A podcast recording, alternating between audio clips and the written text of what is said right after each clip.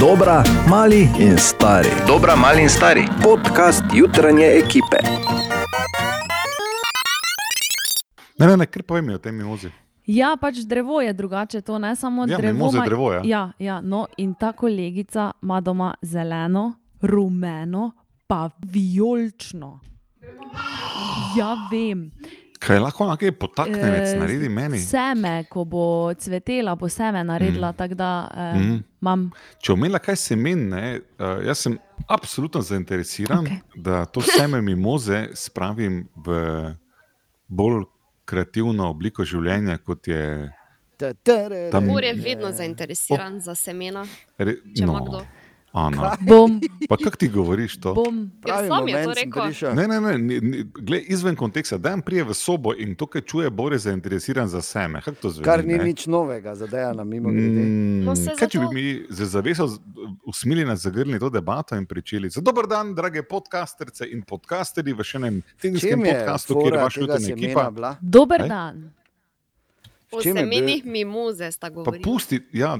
In je ni bo rekel, da važno. ima vedno rad, če mu kdo prinese kako seme. Mimoze. Ja. Spet me absolutno ne preseneča, glede ja. Ja. na to, kar sem se jaz naučil v zadnjih dobrih 20 letih. Ja. Ne, da sem jaz bil njegov semeno noša, da ne bo kdo to narobe razumel, nikoli rajši crknem. Bil si priča, ko sem iz semen jaz naredil kar nekaj življenj tam na radiju. ne.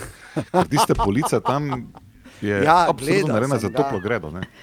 Da ne bo kdo narobe razumel. Gledal sem ga, res dela je. novih življenj na razen. Celo, celo nekaj, nekaj novih življenj mi je dal in sem jih jaz moji mami nesel. Tako, In je če zdaj bila- imam doma mlete, Tako, sušene. tako, vrhunska pekoča paprika. Bravo. Okay. Da ne bomo šli predaleč, naj samo povem, da smo veseli. Ja, da samo malo, bili- pardon, lahko to tilko pozdravim. eh, Tilka, Lahko. Lepe pozdrave. Tako. Odbora. In naj samo To povem, da me je potem še dvakrat vprašala, eh, če bo Bor letos imel kaj eh, feferonov. Lani je pol nehala, ker sem dvakrat rekel ne. Ja, nisem imel, Ja, veš, kak je, samo pač povem. nisem imel dobre, dobre letine, čist me je nekaj, ne vem, Tudi da bioritem. to. ne vem. Viš moje seme danes. O, hvala, Mislim, ne Ana. danes. Bom pa Ana. samo rekel, tudi to je tipično za Bora, da nekaj malo, nekaj namrda, pol pa ne zaključi. Okay, torej, lepo, da ste bili zraven in tu so najboljši momenti naših juter. Preden greš, da ti povem, da to seme, ki mi ga Ana ponuja, je tako verjetno produkt mojega semena, ker sem jaz dal Ani. Srečno. Adijo. Dovolj Vnuke debate mi o hočeš To je semenu. moje nazaj. Adijo, samostojno dajte se. seme. Katja, Ana, Borin, Dejan, želimo dobro jutro. Dobro jutro. Dobro jutro. Ne le nov teden, tudi nov mesec, 1. marec. To je torej danes, v ponedeljek, in to se redko poklopi, da je ponedeljek hkrati tudi prvi dan v novem mesecu. Tako Da, dvakrat novo imamo danes. Uh. Vidim, da je eh, marsikdo ima kaj novega tudi na sebi. Razmid vas borom, ne, ne, ker to je le preveč staro. Je pa prvi? 1. marec v zgodovini tudi zelo zanimiv dan, recimo le, leta 1998. Titanic, ki je bil izdan, film, seveda izdan leto prej, 97. kot prvi film v zgodovini, preseže eno milijardo dolarjev zaslužka. Opa. In kdo bi si mislil, no vidiš, to je nauk te zgodbe, kako zelo se ti lahko splača, če ga na gor spustiš na koncu. Želimo dobro jutro. Dobro jutro. Dobro jutro. Dobro jutro. Ali si vi predstavljate, da je Ne. Elon Musk zaradi paca Bitcoina izgubil že 200 milijard? To Grozno, pa, si, to pa dejansko si predstavljam, zato ker um, Verjamem, ja. vem, koliko je vložil in vem, kakšne neumnosti tvita. Seveda, seveda. In edini veš, si znaš predstavljati, kaj to 200 milijard pomeni. ne? Medtem ko si mi ne znamo predstavljati, kako izgleda 50 urjev, borc v edini, ja, jasno, 200 milijard. pri- Bog je veš, ne, e, kaj češ. Tako pač to je. Tako tak ni nič od tega res in realno, tako da ne vem, zakaj bi se sekirali. Ne vem, denar naj biti kar realen. Ja, realen je zato, ker smo se zmenili, da je realen, ampak Točno v realnosti tako je. ne pomeni nič. Tako da, Tako da eh, si, peljaj, tega, si ga peljaj, tvojega Ilona Maska in tvojih 200 milijard, bolj, bolj tako da je. Bolj sem Ti si za zelo maskom. Kaj? Zdaj ga jaz peljem, ali kaj? Vse vseeno, samo okej, pač okej. povem. Ne, ker vi, uh, mi smo na drugi strani, definitivno. Ti, ti si zunaj, vi dva sta stavba, mi pa smo uh, tisti, ki napadamo, kazo te papel. Če me razumeš. okay, in danes, ko je 1. marec, je tudi svetovni dan komplimentov. Tako da, če bi moral, ali pa morala, gremo po vrsti, najprej punce. Če bi morala Ana dati en kompliment danes, bi bil to kateri in komu? Ko je vseeno komu? Juj, jaz imam Ja, toliko stvari v glavi zdaj. Okay, Ana jih ima preveč. Zdaj, da gremo na Katijo, bom se spomnila, ko, komu. Katja? To se je nehvaležno enega izbrati. Se vseeno, ker se smisel, se, to je samo primer, to ni zdaj, da poveš, pa bo ledino velja. Dejan, zelo imaš eh, lepo urejeno brado danes. O! zjutraj. Res, Ja. torej se je splačalo, da so me vrabci dobili, ko sem Se šel je do avta. Bor, Dragi prijatelj, rad bi ti povedal, da si izjemna celovita osebnost, po kateri si lahko marsikdo zgleduje. Ne samo, da si prijetne zunanjosti, tvoj čudovit karakter se kosa lahko samo z dobroto, ki jo izkazuješ vsem živim bitjem okoli sebe. kaj te s tabo je? Ja, pazi malo za prijatelja, ne? Aha, ok. Samo kompliment danes dan. Aha, ok, ker sem se že vstrašil, da bi. A ja, ne, ne, ne, ne, ne, te, ne, ne, ne na robe si razumel. Mm -hmm. Mislim. Sej, vsi praznujejo. Ne samo povem, da vsi praznujejo danes samo borne, ker je prašič. Ena od treh, treh, treh. Jutranji sprehod po zgodovini popularne glasbe. Ok, danes je 1. marec, ko ima rojstni dan Justin Bieber. In sicer svoj 27. na današnji dan praznuje. On je Že osta- mlajši kot mi dve. Ja, za eno leto. Lepo. Oziroma, par dni, no, zdaj je odvisno, kako pač gledaš. Ne? Ampak dejansko Justin Bieber je danes star šele 27, pa že tako. Ne? Na glasbeni sceni je že odnegdaj glasbeni samouk, ki zanimivo Rubikovo kocko reši v manj kot dveh minutah. Kar se meni enkrat v življenju tudi vsralo, moj rekord je 1,51. Pa nikoli A več. Takšnih mojete, kdo reši hitreje. A, okay. Ja, dobro, glede na to, da je svetovni rekord nekaj več kot 5 sekund, nekaj tega, ne? se ja. Niti če si pod dvema minutama, ne moreš nekaj ekstra hvaliti s tem. ne. Tako da ja. Uh, Justin Bieber, ki je pravzaprav eh, se težko sploh rečeš. Odnegda je tu, se zdi, pa je pubec star komaj 27. Ve, dve ste ga poslušali, ko ste bili še fulmali pa to? Ja, dolgo Katja? zdaj tudi ni, ne? da bi ga fulmali. Ja, no, jaz mislim, pač, ker ste Um, skupaj gor rasli, zato. Ne ravno, no. Ne po, Jaz po tudi letih. ne.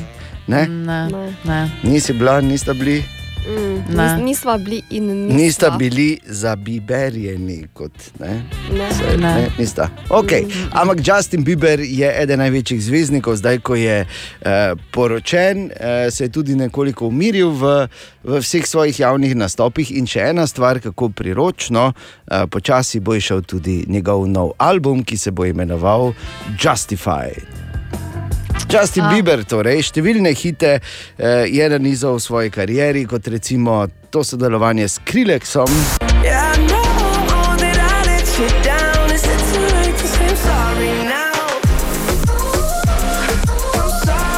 Ali pa recimo to, ki mu jo je napisal Ed Sheeran.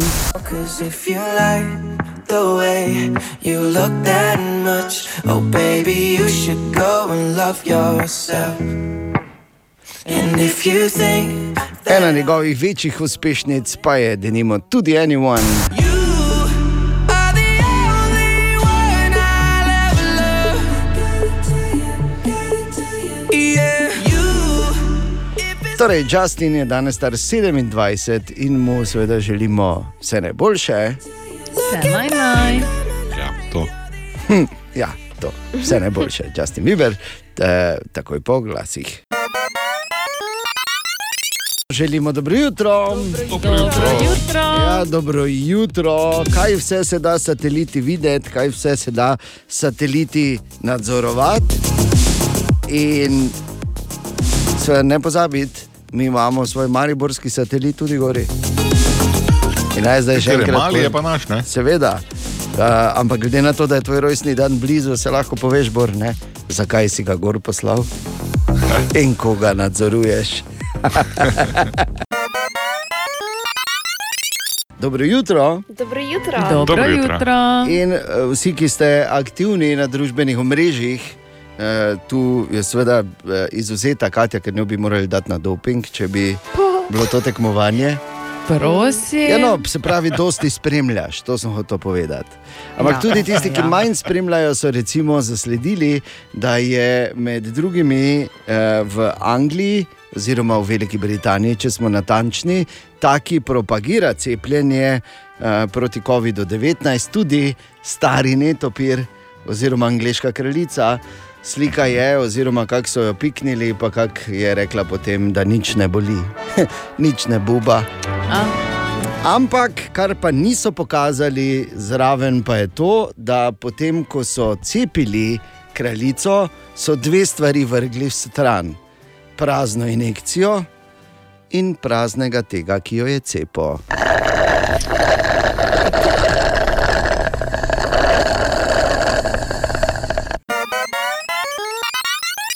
Dobro jutro. Dobro Dobro jutro. jutro.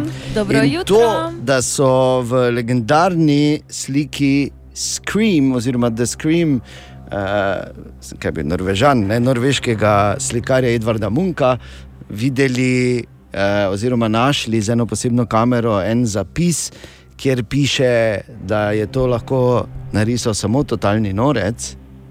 To ste zagotovo že sledili, zasledili.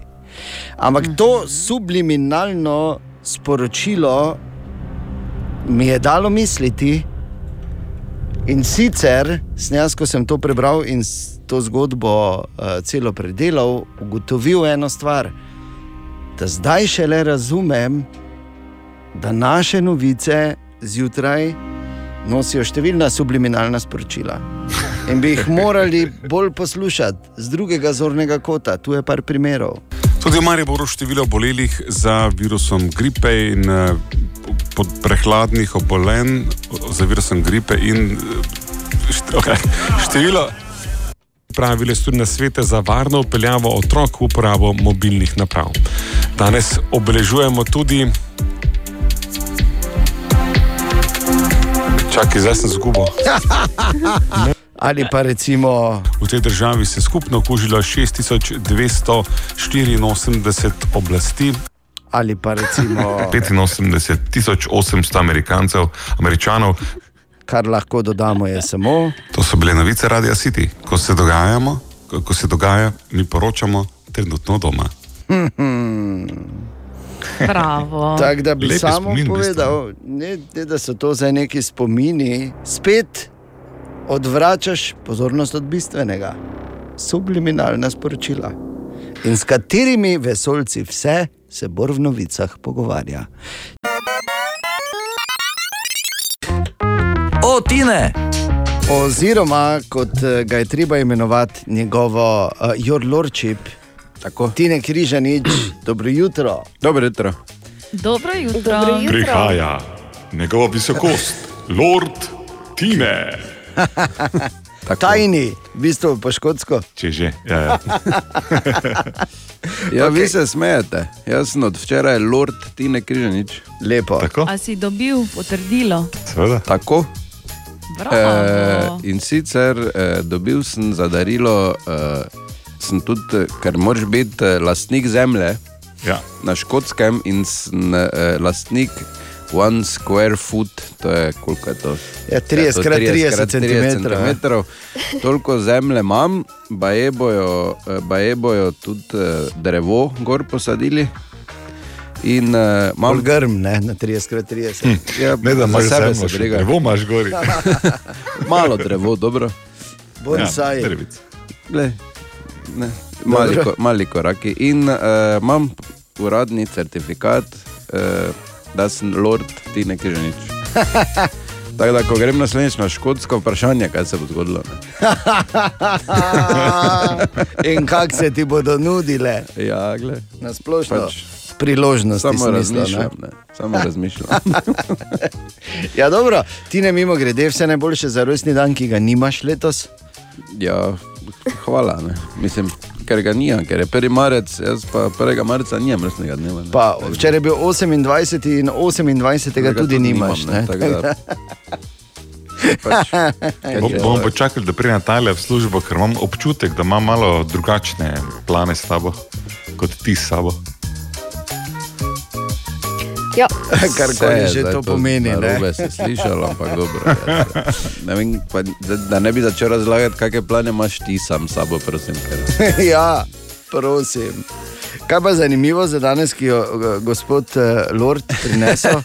E, Imamo uh, o, zanimivost o prijateljski moji državi, o Danski. Aha, okay. Tam smo mi, lordi, radi tudi. Ja, res je. Tam so tudi imeli svoje zgodbe. Z, Tam so tudi. Ja.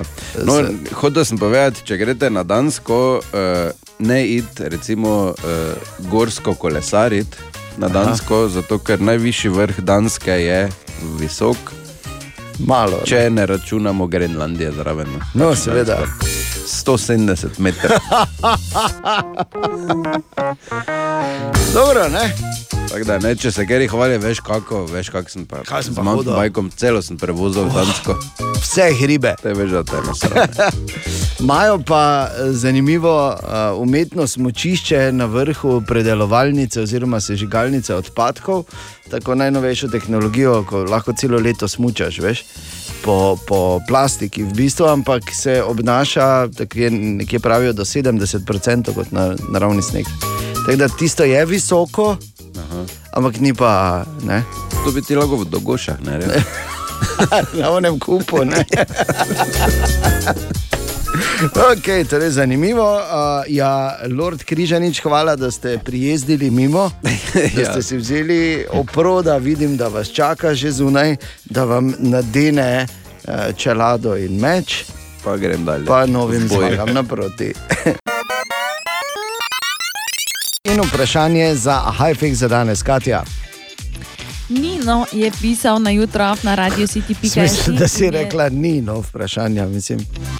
A ja, ne, Nino, ime, gospod. Vidiš, ne, jaz pa zaradi Julije čujem samo nino, nino. Ja. No, Ti tudi torej? zaradi tega, ko pridejo posredovati, večkrat čuješ, ni, nu, ni, nu, ni. Nu. Okay. Kaj je vprašanje, kaj je?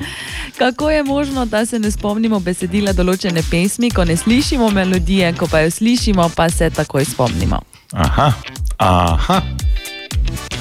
Spet vprašanje, ki je povezano s kognitivno zmožnostjo oziroma sposobnostjo posameznika, ki pa se od posameznika do posameznika tudi razlikuje. Ni, poznam to, odgovor si lažje pravkar razlaga. Je.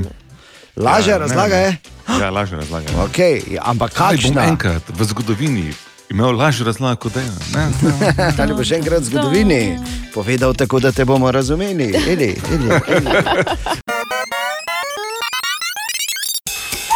Aha, aha, aha, aha, aha, aha, aha efekt. In tu je Borgrajner in aha efekt in vprašanje Nina, ki pravi, kako je možno, da se ne spomnimo besedila določene pismi, ko ne slišimo melodije, ko pa jo slišimo, pa se takoj spomnimo. Ja, ko bi le bila melodija, pa sploh ni melodija. Naj vam šampionka rok pove, kaj je krivo, pod narekovanjem, da se vi spomnite besedila, ko pojete z nekom. Ni melodija. Vam se samo zdi, da pri vsakem soglasniku, ki ga slišite v besedi, vi, čeprav ste pozabili, kaj gre besedilo, takoj skočite in greste dalje. En preprosti trik naredite, pa boste videli, da je to, o čemer govorim, absolutno res. Nima melodija veze s tem, ker če date samo melodijo pri karokah, brez tistega lead vokala, boste tako uh, brez besedila relativno nemi. Če pa samo nekdo poje zraven, zraven pojete, super vam gre, noro, kar tekoče, cela pesem, pa ste jo tretji slišali. Ne, ker pač besedila v pesmi imajo svoj ritem, imajo svojo logiko, ampak eh, malo rabimo pomoči, da se spomnimo. Definitivno ni pesem, ampak je mm, eh, vaša lastnost, da ko nekdo malo pomaga, poletite kot Feniks v lastnih očeh. Ja, zdaj veš, kako se jaz počutim že vsa ta leta. Valjda. Štiri minute, vredno smo.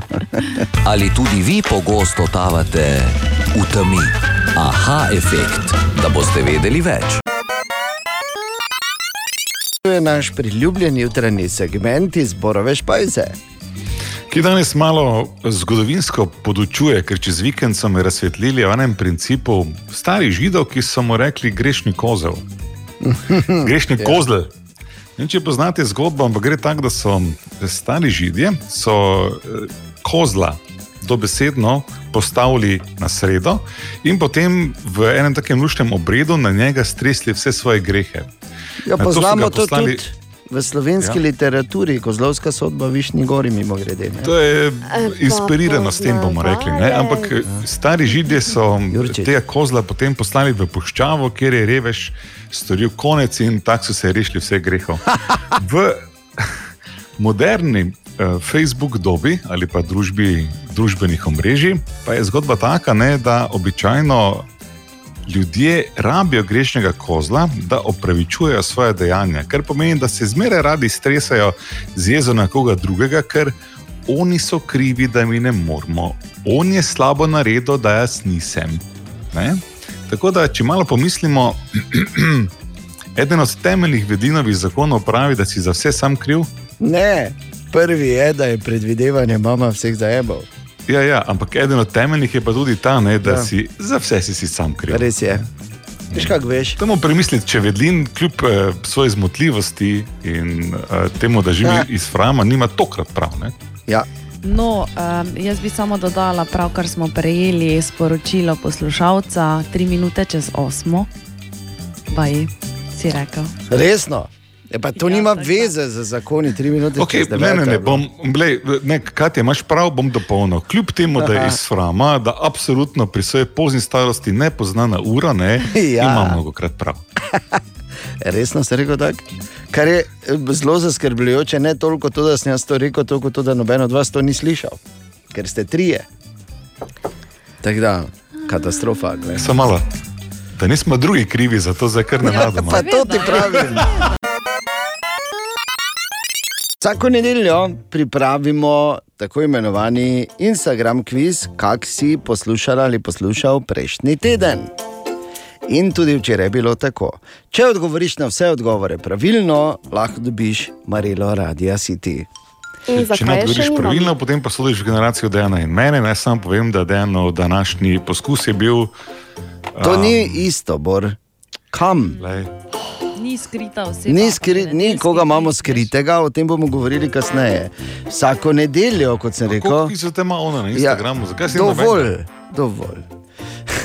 In eh, Katja, da malo preverimo, kako smo sami poslušali, kaj je bilo po tvojem najtežje vprašanje v zadnjem Instagram kvizu.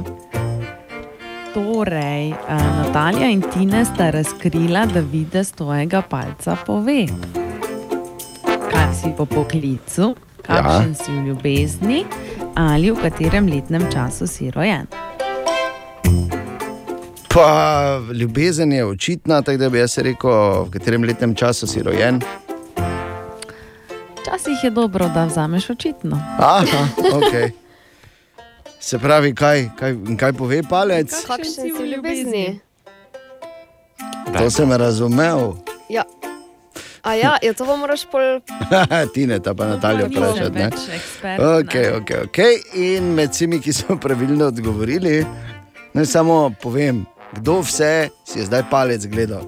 Vsi smo si palec gledali in vsi smo se spraševali, le kaj moj palec sporoča. Jaz bi rekel samo to, ne na nogi, bor. Pa če lahko daš nogo dol. ok, Katja, kdo dobi Marilo? Manja Grager. Bravo, Vanja. Čestitke. Je nagrada za natančno poslušanje. In, eh, ja, ne pozabi vsako nedeljo, če cel teden natančno poslušaš in izpolniš pravilno, oziroma rešiš pravilno naš nedeljski kviz, lahko dobiš Marilo tudi ti prihodnji ponedeljek. Želimo dobro jutro. Dobro jutro. Dobro jutro. Ja, dobro jutro, pozdravljeni. Danes je torej torek, 2. marec. Začnemo No, in uh, kar nas je ponedeljek 1. marec naučil, je, da je na Ptuju prvim spuslo in so začeli protestirati za odprtje gostiln.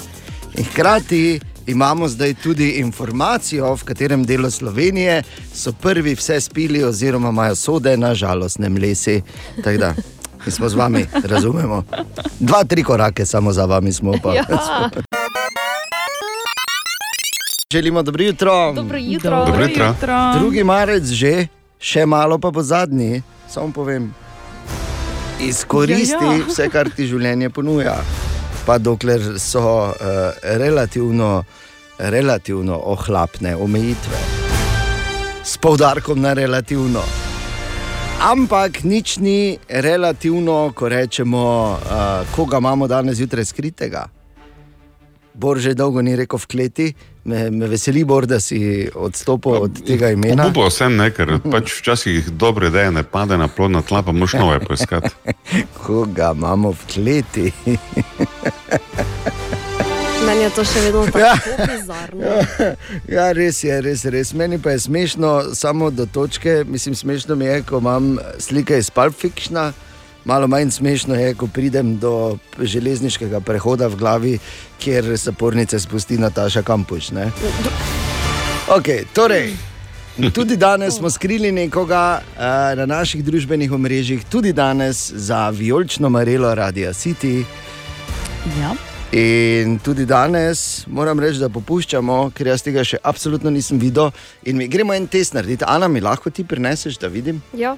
Ker jaz, uh, kar uh, sem pač po dolgih letih menjal telefon, si določenih aplikacij niti nisem več, uh, niti nisem več naložil. In tako da nimam, in mi, in mi je full fajn. A, ne, rešeno. Vem, vem, Katja. Ja, ne smeš Jaz povedati. zdaj. samo povem, da vem. Kaj pa, ko vem? Po Jaz dolge- tudi vem. Po dolgem času sem z prve vedel, je, ali boš vedel ali vedel tudi ti. Preveri na družbenih omrežjih, napiši spodaj. In eh, ne rabi se ti muditi, imamo čas. In je vse eno, ali napišeš zdaj, ali napišeš čez dve uri in pol. Uh, ni to nobena prednost biti prvi, vsaj v tem primeru ne. Edino, Ne, kar res pač ne. moraš biti moški, da te polkatja izžrepa. Ne? To je pač O, edino. bomo kar- zdaj um, šli vsako jutro čez isto debato. Seveda. Dokler se ne Ja, kak je, pač, dokler se ne popraviš. Ne? tako Dokler dokler. ne bo končno ena ženska poklicala, ki se mi dežnik dala, prosim, lepo.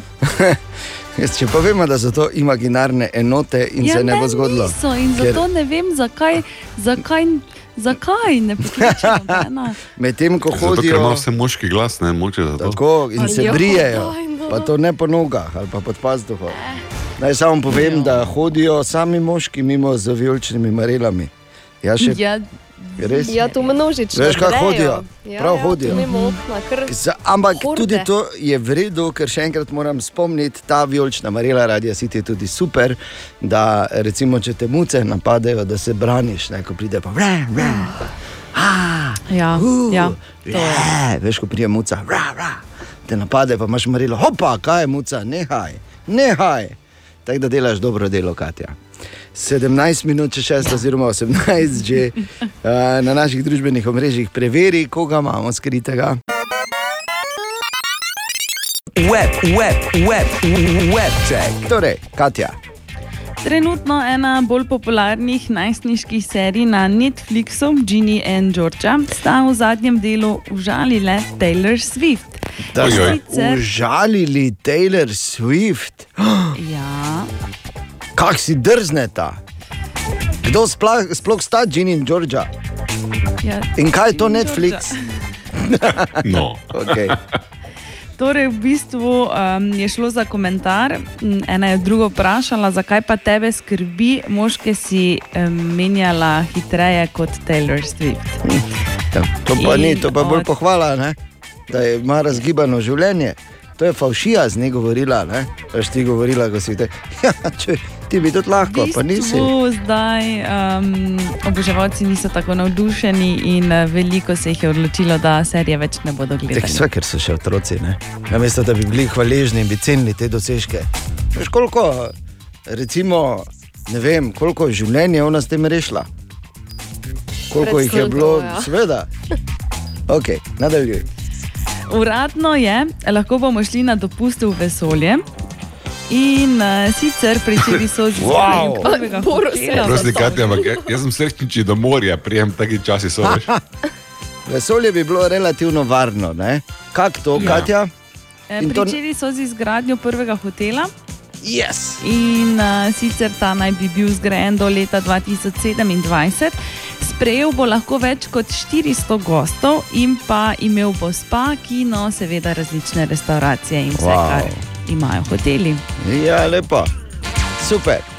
Zanima me, kako bo, eh, če bi bil sobarica gori na tem hotelu.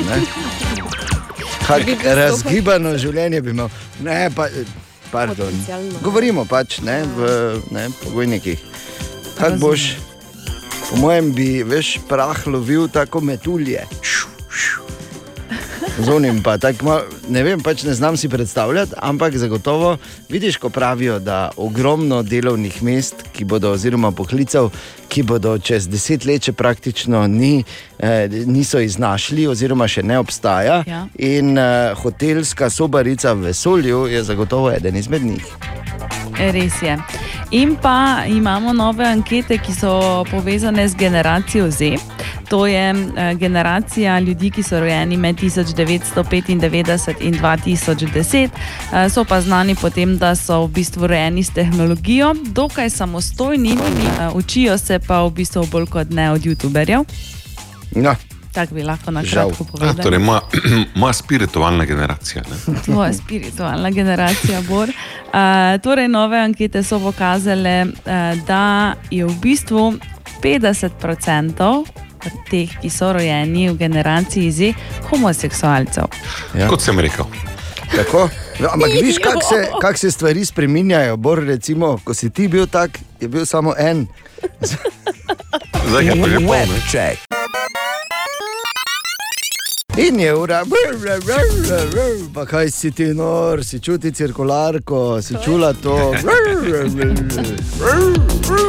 Ja, ne, to je, Koga? to je to vreme. Ne? Pa smo zjutraj že s težavami. Ampak kar je fajn, nahod ne?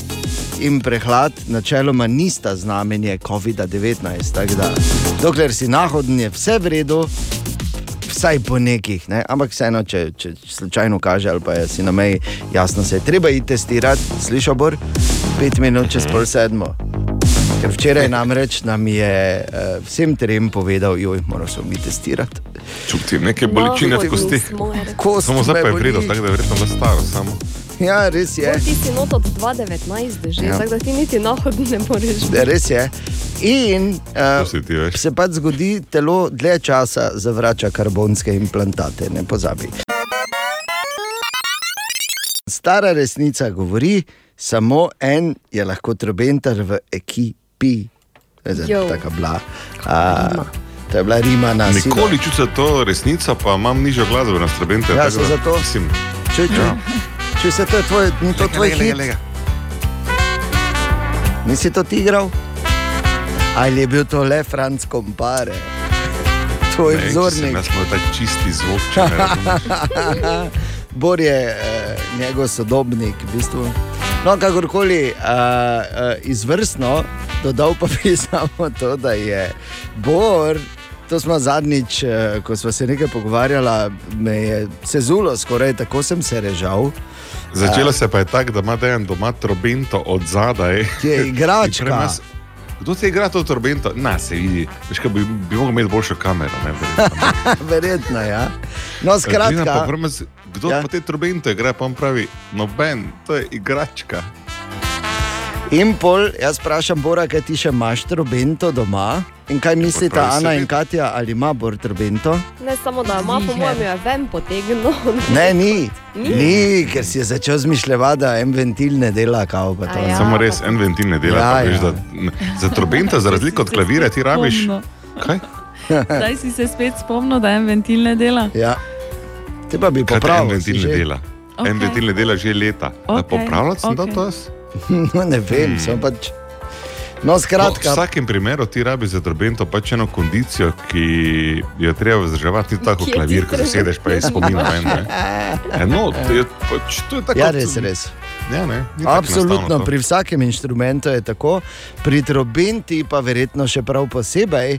Bor je mimo grede že v petem razredu pre, imel prevelike žnable za trobento, pa so ga dali na bariton. Ampak, Katastrofa mojega življenja, res.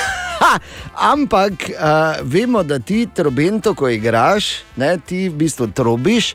In ja. ali ti v bistvu poješ? no, med- Lega zlomka, pri trobenti trobiš, Ja, je. ne pihaš. Ja, pa, okay, zdaj daj ti Ker ni deset pihalo, ampak je trobilo. Ja, ja. S tem zaključujemo današnjo lekcijo Ne. za danes zjutraj. Ne, še? ne, ne, s tem Kaj ne pa? zaključujemo, kaj ti zanima nas ena druga stvar in sicer ti uh, ali poješ ti med tem, ko trobiš, ko igraš trobento, ali kako to zgleda.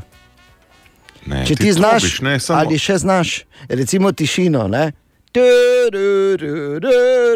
Ne? Kako bi ti to? Pa ne tišina. No, daj, no. ti dal, Dobro, se vseeno. Ne, te- nima, nis... Eh, ok, bom probal, samo res je zgodaj. Poslušajte.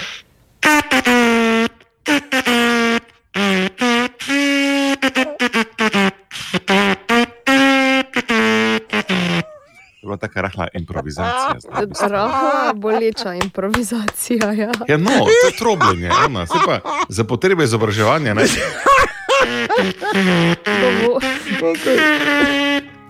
To vam pravim. Znaš, je, bravo. Bravo. Če bomo rabili nekoga, da trobento špila, ko bomo tonili. Ti najbolj.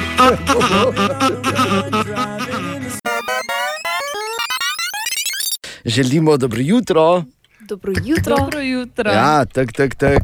To je to, ne bi kazano očitno, a, ampak nekdo dela vse do zadnjega momenta in potem drugi trpijo zaradi tega.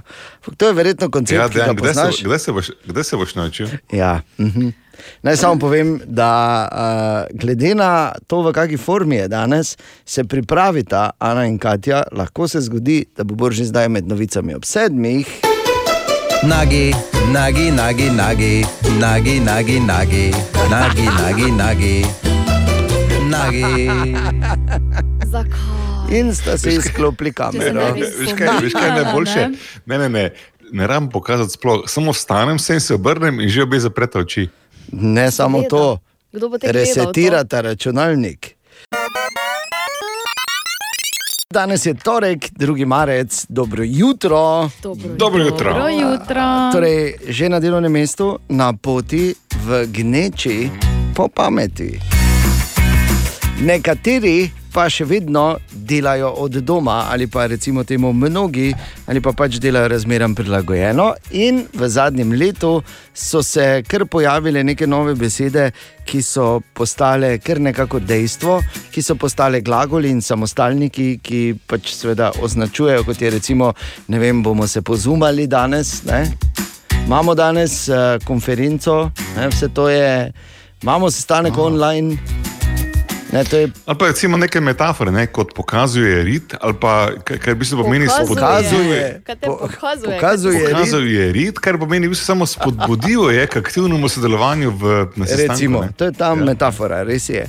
Ampak hkrati pa seveda to uh, prinaša tudi nekatere resne težave in probleme. In če si veliko na videokonferencah, potem prosim, prisluhni, ker je nekaj časa bilo potrebno. Potrebnega, da, da, da so v bistvu ugotovili, da, da so obstajajo tudi resne težave in posledice. In to so zdaj ugotovili na ameriški univerzi Stanford, kaj rekli so, da obstaja resna težava, Uh, in da smo recimo pri online sestankih, pri videokonferencah, veliko hitreje utrujeni in zmedeni, in lahko tudi manj storilni.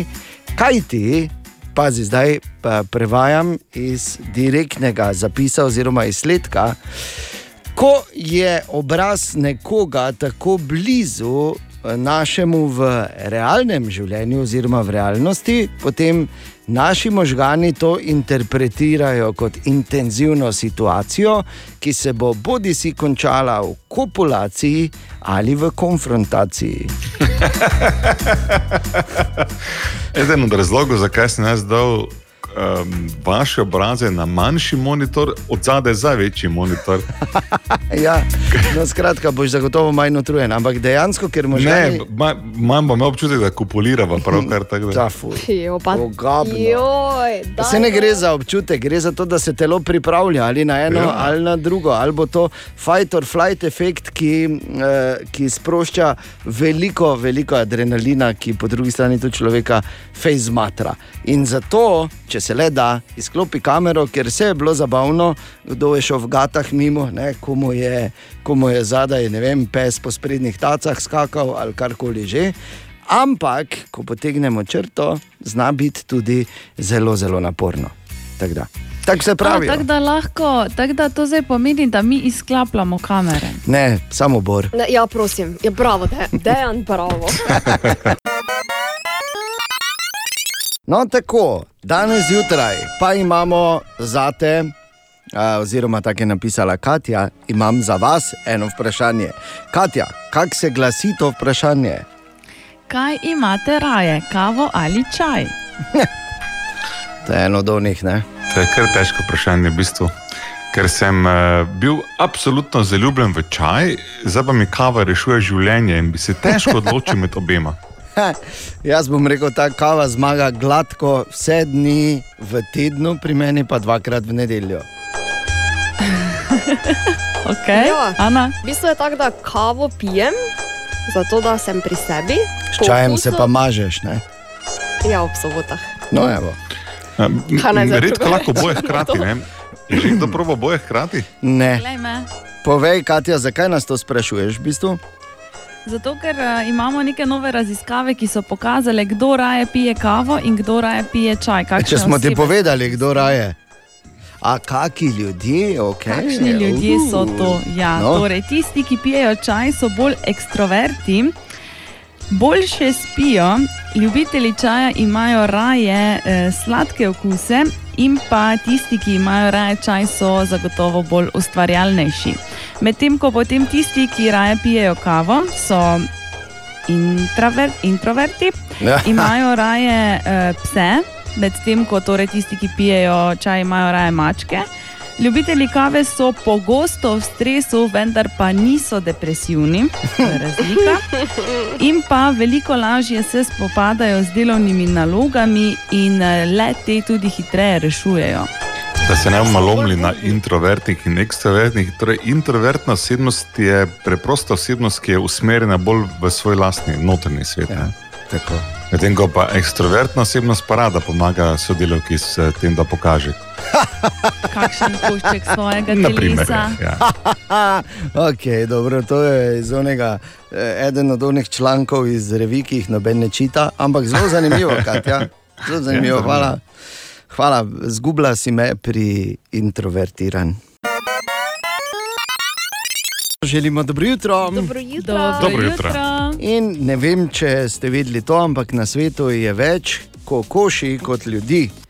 In moram priznati, da se res trudim, res se trudim, da bi izenačili, pa zaenkrat če mi ni ratalo. Malo bomo uh, spremenili sistem, uh, cenjeni sodelavki, uh, cenjen sodelavec, sta pripravljena? Kaj ni čas, da Pripravljeni? Lord pride? Ja, se za to opazi. moram, po, moram zdaj malo uh, se pripraviti, zato ker moram ga primerno. Lorčine, lorčine, je stopil v studio. Lorčine, lorčine, je tu la la la. Dobro jutro, Tine. Dobro jutro, Kaj še Tine. moramo biti Lord, ja? pardon. Poljubite mi prstan. Joj, pa daj. Ki ga nosi, vemo kje. Na roki ne. Okay. Bor je prvi vrsti stal zdaj. Je valjda. Torej, Ja, glej, ne. Kot Lord Lordu, zdravo. Od kdaj ste ti, Lord? Jaz sem se rodil tako, za razliko od tebe, ko si bil imenovan. Ja, no. odkar so v scenariju tako napisali naslov, scenarij je bil sicer zelo kratek, film pa je trajal uro deset. Je, Je, je bila cesta. Lord, kaj ste prinesli danes sabo? uh, ne vem, če ste vedeli, ampak ateizem, je kdo ateist tu? Uh, Ja. Ja. tako. Recimo v odnosu do teh konvencionalnih uh, religij, zagotovo. No, uh, ateizem je v 13 državah po svetu, uh, s- mislim, se kaznuje, pardon, ateizem se kaznuje z smrtjo v 13 državah. Da, Povej mi, katerih. Toš pa mogo ugotoviti. Kakšna nepopolna informacija. Ja, glej. Ja, kaj, če bi zdaj slučajno jaz šel tja, Pa Ja, te pač lape Pa drži, pa se ne hvali s tem. Ali kaj ti naj rečem, ne vem. eh, veš, kaj sem mogel celo garderobo menjati, ker mi na vseh eh, majicah piše I am atheist. Ja. Zdaj pa, če boš pa spet v napačni državi, pa, Pa bom spet imel probleme. Ne? spet me, ne, nikam hodi. A se tako ne smemo, dobro. Ja, Doma te pa tako rešen ja. sem. Hvala, Lortine. Rešitev za vse, vsake momentu. Valjda. Hm. Kaj še enkrat uh, ga Ne, v redu je. povemo z Ja, ja, Lortine, Lortine je bil v studiu. Lortine, oh, hvala, hvala vam. Ta, ta, ta. bravo. Aha, aha, aha, aha, aha, aha, efekt. In Bor odgovarja na vprašanje Martine, zakaj se lak za nohte hitreje posuši pod hladno vodo. Nekaj, kar je bilo recimo za me in Bora, nekaj povsem novega, vse ženske pa očitno to vejo. Zdaj pa gledaj, kaj bo nekaj novega za vse ženske. Lak pod hladno vodo se ne suši hitreje, ampak ustvari iluzijo, da je hitreje suh, ker se zaradi kemične reakcije plast um, malo podebeli. Hitreje se pa suši samo na zraku, oziroma za edini trik, ki bi deloval v tej smeri, je, vzameš um, skledo vode, lahko daš led noter, da voda čim bolj hladna, namočiš nohte potem, ko uh, se malo strdijo na zraku v vodo za 3 minute, vzameš ven, pa z fenom za lase to sušiš. Ker Do, do, dokler, raztopi, do, dokler se to zares ne posuši, no, trdi se tudi, um, ne morejo ti nokti lepo posušiti. Ampak tak je trik z hladno vodo, pa potem fenom bi deloval, ampak načeloma samo hladna voda je iluzija, taki Facebook trik. Zdi se, da full dela, pa v bistvu sploh ne. Naj samo povem eno stvar, Bor, na začetek, aha, efekta se vrniva danes. Ja. To je tudi edini primer na svetu, ko hladna voda karkoli podebeli. Daj. Pet minut pred osmo. Ali tudi vi pogosto totavate v temi? Aha, efekt, da boste vedeli več. Tudi danes smo imeli nekoga skritega na naših družbenih omrežjih. Oreh ni bil pretrd, Katja, danes. Ne? Danes pa res ne. Ne. Kaj ti bil je to, Primoš Roglič? Primoš Roglič, Seveda. In vsi, ki ste napisali Primoš Roglič, čestitke, ampak le eden, Res Jih je bilo veliko danes. le eden. Ali ena, čeprav vemo, da je to samo tako, da, da smo enakopravni. Vemo, koga Katja Šreba dobi vijolično marilo, Radia City. Katja, in kdo bo to danes? In glej ga zlomka, danes dežnik Radia City dobi Maša Praprotnik. Ja, brat, na no. silo. Vsi vemo, da je. Primoš praprotnik. Ne? Tako, ali pa V bistvu. vsaj Mašo, praprotnik. Ne? Mašo. Okay, ne, čestitke. Podobna sta. Maša, pod narekovaji, seveda, ne, ne čestitke, ampak Maša, čestitke. In uh, seveda ne pozabi, spet jutri zjutraj na naših družbenih omrežjih bomo nekoga skrili in spet bo tu priložnost, da dobiš vijolično marelo Radio City, tako kot vsak dan, tako bo tudi jutri. Mogoče tudi jutri, kaki Mašo dobi ali pa, Ja. ali pa Petro ali, ali pa Gordano. Ne, Vse dokaze, kdo je dobil uh, dežnik, najdete na našem Instagram Seveda profilu, najdete. kjer je profil osebe, ki je dobila tudi označen. Tako da si lahko pogledate, da je Katja, to realna glej, v oseba, dre- ki je realno ženska. V seveda. dveh sekundah lahko imam, veš, kakšne manekenske slike na mojem profilu, Seveda. mojega ženskega Kot da jih nimaš, kot da jih nimaš. Ženske. Samo dve besedi bom hotel, povedal. ne? Samo dve besedi bom rekel. Deep pa fake. Pa Tako. dobro jutro. Najlepša hvala tudi za to informacijo. Drugih posebnosti na cestah ni. Želimo ti varno pot in če na njej Ostajamo v stiku nadaljavo, da ne boste nikoli sami. Pokličite nas na nič 80 19 20 ali nam pišite na info afnazav-sava.si. Nikoli sami. Zavarovalnica Sava. A, a, kot je hotla Ana reči, in če na njej karkoli opaziš, je lahko poštar. Kviz brez Google. Oh -oh. Torej, Tomaš. Danes je z mano, Lauro, Lauro, servus, Lauro, vse štima. Vse štima. Ok, si pa raj. Sem. Ok, gremo. Najlažje vprašanje za 10 evrov, Lauro, iz katerega angliškega mesta prihaja nogometni klub Chelsea? London. Bravo, že imaš 10 evrov, odlično. Gremo malo teže za 20, če bi vedel, slučajno, kaj je runo. Runo. Runo, ja. Hmm. Če ti malo namignem, od ene živali je runo lahko. Ne bi vedel. Ne bi vedel. Zaključimo. Zaključim. Redu, Lauro, 10 evrov tvojih. Dobro.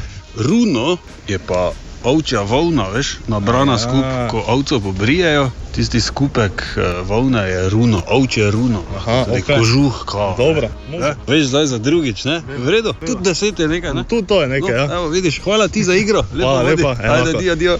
In sta ostali še dve vprašanji. Tretje, katera afriška država ima zeleno, belo, zeleno zastavo? In najtežje vprašanje, kaj je galaktometer? Nigerija, drugo pa uh, je naprava za merjenje naših neumnosti. Ne, za gostoto mleka je dejansko. Okej. Zeleno, belo, zeleno Galaktoza. zastavo ima Nigerija, galaktometer pa je priprava za merjenje gostote mleka, oziroma mlekomer tudi. Brez. Google je bor. Ne Brez brez Google, ker ve- ve- veš, zakaj vem, ker Natalija je občutljiva na laktozo in pije A, mleko brez laktoze. In je galaktometer. kot laktoza, ne pa kot galaksija. Ja, ampak bilo bi dobro tudi, kot sem rekel, naprava za merjenje naših neumnosti. Je pa Ja. res, da eh, škoda, ker pravilen odgovor na drugo vprašanje, kjer je eh, kandidat padel, torej kaj je runo, bi lahko bilo tudi sosedov pes. Recimo. Kviz brez Google. Oh -oh. Želimo dobro jutro. Dobro jutro. Dobro jutro. Eh, Sreda, 3. marec je že danes in nekaj za razmislek na vse zgodaj zjutraj. Se srečata dve ribi. In ene in reče prva riba zdravo, reče druga riba zdravo. Reče prva riba, kak je hladna voda danes, pa reče druga riba, kaj je to voda. Nauk te uh, basni je ta, da so pomembni številni drobni trenutki in priložnosti, ki pa jih običajno spregledamo, ker naivno čakamo, da se nam bo zgodilo življenje. Dobro jutro. Web, web, web check. Katja, dajmo tudi danes malo pogledati, no, kaj se piše. Mimo grede, Dobro lahko jutro. jaz, jaz zdravo, lahko jaz povem najprej eno stvar, sem videl, da je Ja. Dolly Parton dobila prvo dozo cepiva. Uh -huh. uh, in je to sva pokazala, ona je pa dejansko, ona rabi dve dozi, vsako v svoj kontejner. Ok, no, vse lahko nadaljujemo. Včeraj smo govorili o eh, pop- zelo popora, popularni seriji Ginny in Georgia, eh, v kateri so v bistvu. A, užalili Taylor uporabili- Swift, ne? Tako, tako, Ja. tako. In poslušalci so se, seveda, poslu, mislim, poslušalci, njeni oboževalci so bili ogorčeni. In tako se je recimo danes oglasila tudi Taylor na svojem Twitter profilu in je povedala, da v bistvu gre za neslano šalo, oziroma rasistično, ne- seksistično šalo seksistično, ja. iz leta 2010 in um, da je žalostno, da Netflix kot taka velika družba ne podpira uspešnih žensk. Adijo, boga, Taylor. Kaj je veze tema s tem? Je imela dosti fantov ali ni imela? Je imela. Ne? Tako da, bodi zdaj ja. še te, če imaš denar, pa si uspešna, pa ne vem kaj vse, bodi še dovolj babe, pa pač priznaj, pa kaj, pa kaj, vse se pa ti te naznuca. Tak. Ok, dobro, si povedal zdaj. Ja, seveda, ne, nekdo mora. Za vse, ki že noro pogrešamo sta, um, stanovanja, ja, potovanja, aplikacija obstaja Drive in Listen. In sicer, Drive eh, in listen, aplikac- prav? Ali drive and Drive listen? And listen. Okay, si rekla Ja. drive in listen. Ja, glej, pardon, okay. res, po mojem bom še marsikatero bedarijo danes rekla, se opravičujem že Kaj za naprej. hočeš? Torej, aplikacija Drive and Listen ti v bistvu ponuja 53 destinacij, v katere lahko potuješ, seveda virtualno. Aha. Naložiš si aplikacijo in ti se prav dejansko voziš po cesti. A gledaš jo ali, ali poslušaš samo? Ne gledaš. A gledaš, ok, ok. Ja, vprašam. No. Kot da, bi, kot da bi bil prav v avtu, se voziš po cesti, lahko poslušaš njihove um, Radijske postaje. postaje, da imaš ja. ja. večji občutek, da si dejansko tam. Lahko si narediš, kako hitro boš potoval po cesti, torej kako hitra bo tvoja vožnja, in pa dodaš si lahko hrup iz ozadja. Noro. Ful je fajn, jaz sem šla včeraj v Miami. Resno in kako je bilo? Ful je bilo fajn. Lepo. Drive and listen, torej lahko preveriš. Ja? Tako in pa Kim Kardashian je včeraj obiskala frizerja, tam na stolu zaspala in nastala je zelo zanimiva fotografija. Zaspala je pri frizerju? Ja. Naj uganem, kje je ni friziral. A, pet minut pred pol sedmo. Webcheck. Dobro jutro. Dobro jutro. Dobro jutro. No, ena od najuspe... ne, pardon, ne ena od, ampak najuspešnejša serija na zadnji podelitvi Zlatih globusov je bila serija The No, Crown. The Crown, tako je, ki govori o uh, seveda, angliškem dvoru, o Windsorjih in predvsem o starem netopirju, ki ga spoznamo skozi praktično celo zgodovino. Štiri sezone so bile. Prva se je dogajala eh, med leti 1947 in 56, druga od 56 do 64, tretja od 64 do 77, zadnja zaenkrat četrta od 77 do 90. In je res zanimivo, uh, kako Dolgo Kako to naredijo? Ja, to tako je. Tak. Eh, to, to, je. to še bom razložil, kak je, ker tu že se da nekaj usporednice potegniti. Ampak je res zanimivo, kako uh, pomembno o ekstremno nepomembnem. Ne? Tako bi jaz imenoval oziroma označil to serijo. Ke, ja, če pa je res. In eh, seveda serije še niti približno ni konec, kot sem dejal, štiri sezone so mimo, še dve sezoni prihajata. Eh, Namreč eh, ekipa 12 do 14 raziskovalcev, ki vse skozi pač brskajo po informacijah, do, je prišla do toliko informacij, da bodo naredili še dve sezoni o tej familiji. In sicer peta se bo dogajala v 90-ih, in medtem ko so fani upali, da bo uh, v šesti sezoni tudi kaj o, o Harryju in Megan. Pa ne bo, kajti šesta sezona se bo, in to so povedali zagotovo, končala leta 2004. Ne? Se je rekel Megan, slučajno? Ja, Uh, v izogib to že bi rekel, da je Dejan mislil Megi, ne Megan. Ja, ki ima je. veze z eh, družino. In, Nobene. eh, pozdrav vsem, ki ste danes že čuli novico, da je iztržila pol milijona funtov. Ker so njene medijem. Na Tako. otoku. ja, res je. No, ampak vseeno, uh, končalo se bo leta 2004 in eh, peta sezona bo prišla čez kako leto, oziroma leto pa pol še le, ker letos julija začnejo komaj snemati. Ne, seveda lahko v štiri sezone še enkrat nazaj pogledaš na Netflixu. Bi pa samo povedal, da ko spremljaš to serijo, jaz, sem- bil res osupel, dve igralki sta se vmes postarali. Stari hodič pa še vedno živ. In leta 2004 se bo končala serija, ker to je bilo očitno tisto leto, ko je dokončno prestopila na temno stran. Ena od treh, treh, treh. Jutranji sprehod po zgodovini popularne glasbe. In gremo, 44. rojstni dan je praznoval Chris Martin oziroma Christopher Anthony John. Kdo je Chris Martin? Ja, pevec Coldplaya. ne? Bravo, pevec Ja, skupine Coldplay. To je tudi ena od teh zgodb, ki so se čisto slučajno zgodile. Pubeci se spoznajo eh, na koledžu oziroma na univerzi. Oziroma, univerzi, kot se je včasih reklo, Eh, v našem mestu so se spoznali, ne v našem mestu se niso spoznali, v našem mestu se je reklo, univerzi. Uh, torej, okay. In eh, rečejo, mi bomo pa malo skupaj špilali. Če ne drugače, da bomo v našem lokalu, ki ga imamo znotraj kampusa, nastopali in imeli koncerte, in se imeli fajn, in se zabavali, in lovili muce. Ne?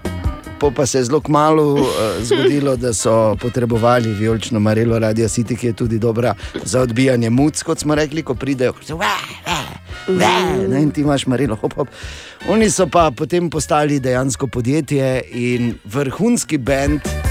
Vrhunski bend, ki eh, je seveda uh, postal bend globalnih razsežnosti že več kot desetletje nazaj. S hiti kot so denimo Klok.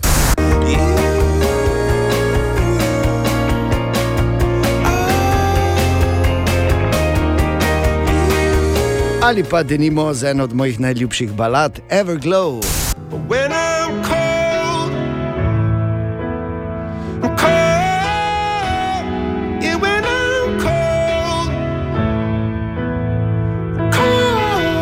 Ali pa recimo s hitom Viva la Vida.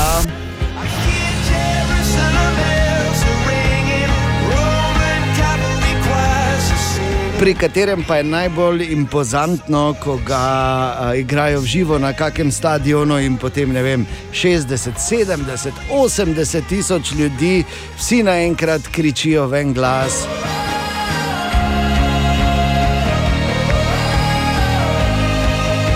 Zakaj take lušte? Ja, vem, ja, zakaj delam take lušte. Ah, Kaj sam, sam sebi sem šel na živce. Je vprašala, zakaj? Zato, Ana, ker so se fanti srečali na univerzi. Univerzi. Kako sta? Okay, no, daj, lahko bi to, ne? Dali. Ja, absolutno Da, sem še jaz malo dati. na virtualnem koncertu. ja, v mislih in glavi. Zaenkrat pač drug, drugam, drugam ne moremo na koncert kot v glavo, upam pa, da kmalo tudi kam čisto realno. 12 minut pred sedmo, Coldplay, Viva la Vida, takoj po glasih. Katja, Ana, Borindejan, želimo dobro jutro. Dobro jutro. Dobro jutro. Kaj pa to, ta informacija, ki sem jo prebral, najhitrejši dron ta trenutek leti s hitrostjo 1500 km/h že. Joj. 1500 km/h, kar pravzaprav ni nič v primerjavi z našo brzino, ko bodo odprli gostilne. Fertik, lušno ste pripravljeni, dragi kolegice, Nikoli. dragi Kaj? kolegi. Za fertik lušno nismo nikoli Ne, ne, ne, ne, tako ne, ne. rečeš, ne? Kaj, moram tudi epitaf imeti pripravljen že. Ne, ne, ne, ne. ne. Ampak kar hočem povedati, je, da zdaj smo trpeli to kinkanje na delovnem mestu, krvave oči in uh, po, okutno pomankanje koncentracije. Zdaj ura 14 minut čez sedmo. Hitra uganka, da vidim, kak ste budni. Jo, daj, vrži. Kaj imajo uh, te stvari skupnega? Življenjski stroški, dvigalo, vroč zrak, zadrga. Stanovanje. A Ja. Zadrga ima stanovanje, pa vroč zrak. Čakaj, če ni, nisem, ja, vroč zrak, ja, ne? Okay, okay. Kaj, čakaj, zadrga, dvigalo, Ja. kaj je neki stroški? Življenjski Stanovanjski. stroški. Ne, nisem rekel stroški stanovanja. Pardon, pardon, pardon. Življenjski stroški in vroč zrak, kaj imajo skupnega? Ja, vroč zrak in življenjski stroški so visoka cena ogrevanja. Ne, ne. Zadrga, črpalka, črpalka. zadrga in, uh, in dvigalo, vsi imajo ta isti atribut. Kaj imajo skupnega? Vse gre gor. Vse, Vse gre gor, bravo, Katja, bravo. Pa dajmo. Pa celo noč ni dala, meme, mira pa vseeno, ja, bravo, Katja. Vse gre gor. Kje si to zdaj hitro pogooglala, priznaj? Ni googlala, Poglej, jaz sem gledala. kavo Ni, sem ni. si nalivala vmes. To je Bor je- čisto znanje. Pardon, Bor je googlal. Bor pa je googlal, ker ga vidi, kako nemo gleda ven topi Bor, kot dokler je živ, ne, Bo googlal. imel eno oko na Tebi bi ja, mogli mesečno plačevati za uporabo. Iz Google. On je v bistvu razlog, da so Google naredili, ker sta se Sergej in oni drugi dobila, pa sta gledala Bora, pa sta rekla, joj, Mm, le Google. zgubljen tava. Mi dva moramo napisati en algoritem, ki mu bo pomagal. In pol je samo šlo, ni zbrdo. Čas bo za naš segment, ki ga jaz uh, tako delovno imenujem Millennialsi in njihovi triki. Katja, Ah, ja. No, kar povej. Danes, danes vam povem eno stvar, ki je jaz naj najprej povem, ne delam. Nikoli je še nisem naredila. Ampak v primeru, da imaš pogovor po telefonu, Ja. ja. klic, torej, ne, uh -huh. uh, ki pač bi se ga rad losal, ne želiš več Losal bi To je lepa slovenska A bi beseda. se ga rad losal, jaz tega klica. Ne? Ja, no, ne. Če kaj vmes, ko se pogovarjaš, pa se ti torej Med več... tem, ko se že pogovarjaš daj in to se ti povej. več ne da, in ne znaš biti prijazen, in lepo reči, čuješ, ne da se mi več, enostavno preklopiš uh, telefon na letalski način, Vmes. vmes. Kaj ti to potem uh, tistemu, s katerim si telefoniral, javi, da je prišlo do napake v omrežju?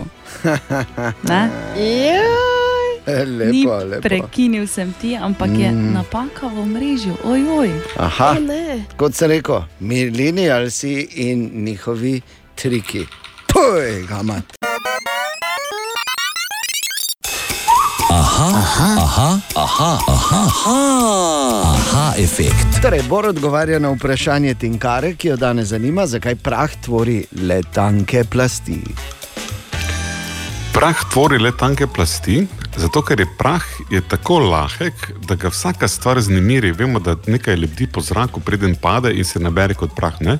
Kar pomeni, da vsaka hoja mimo fotelja, ki je zelo star, eh, vsak vetrček, ki gre čez mizo, ta prah tudi odpihne. To pomeni, da bi se prah zares nabral v debele plasti in fizikalno ga nič ne ovira, da se on ne bi res naložil.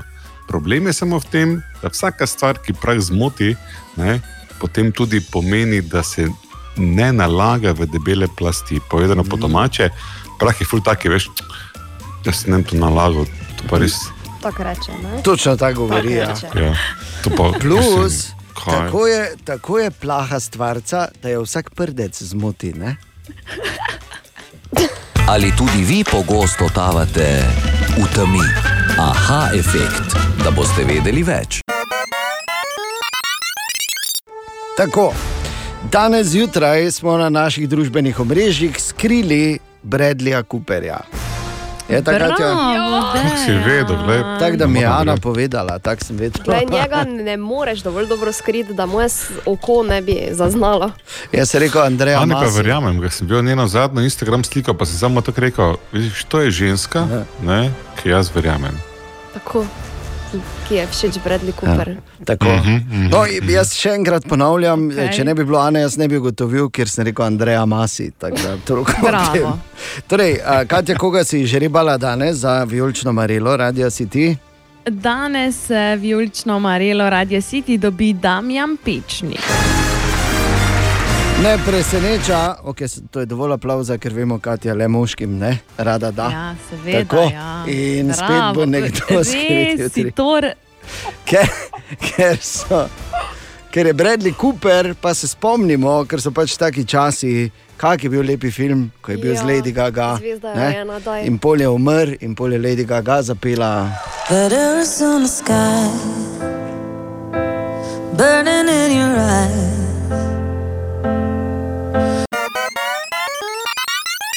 Želimo dobro jutro. Dobro jutro. Dobro jutro.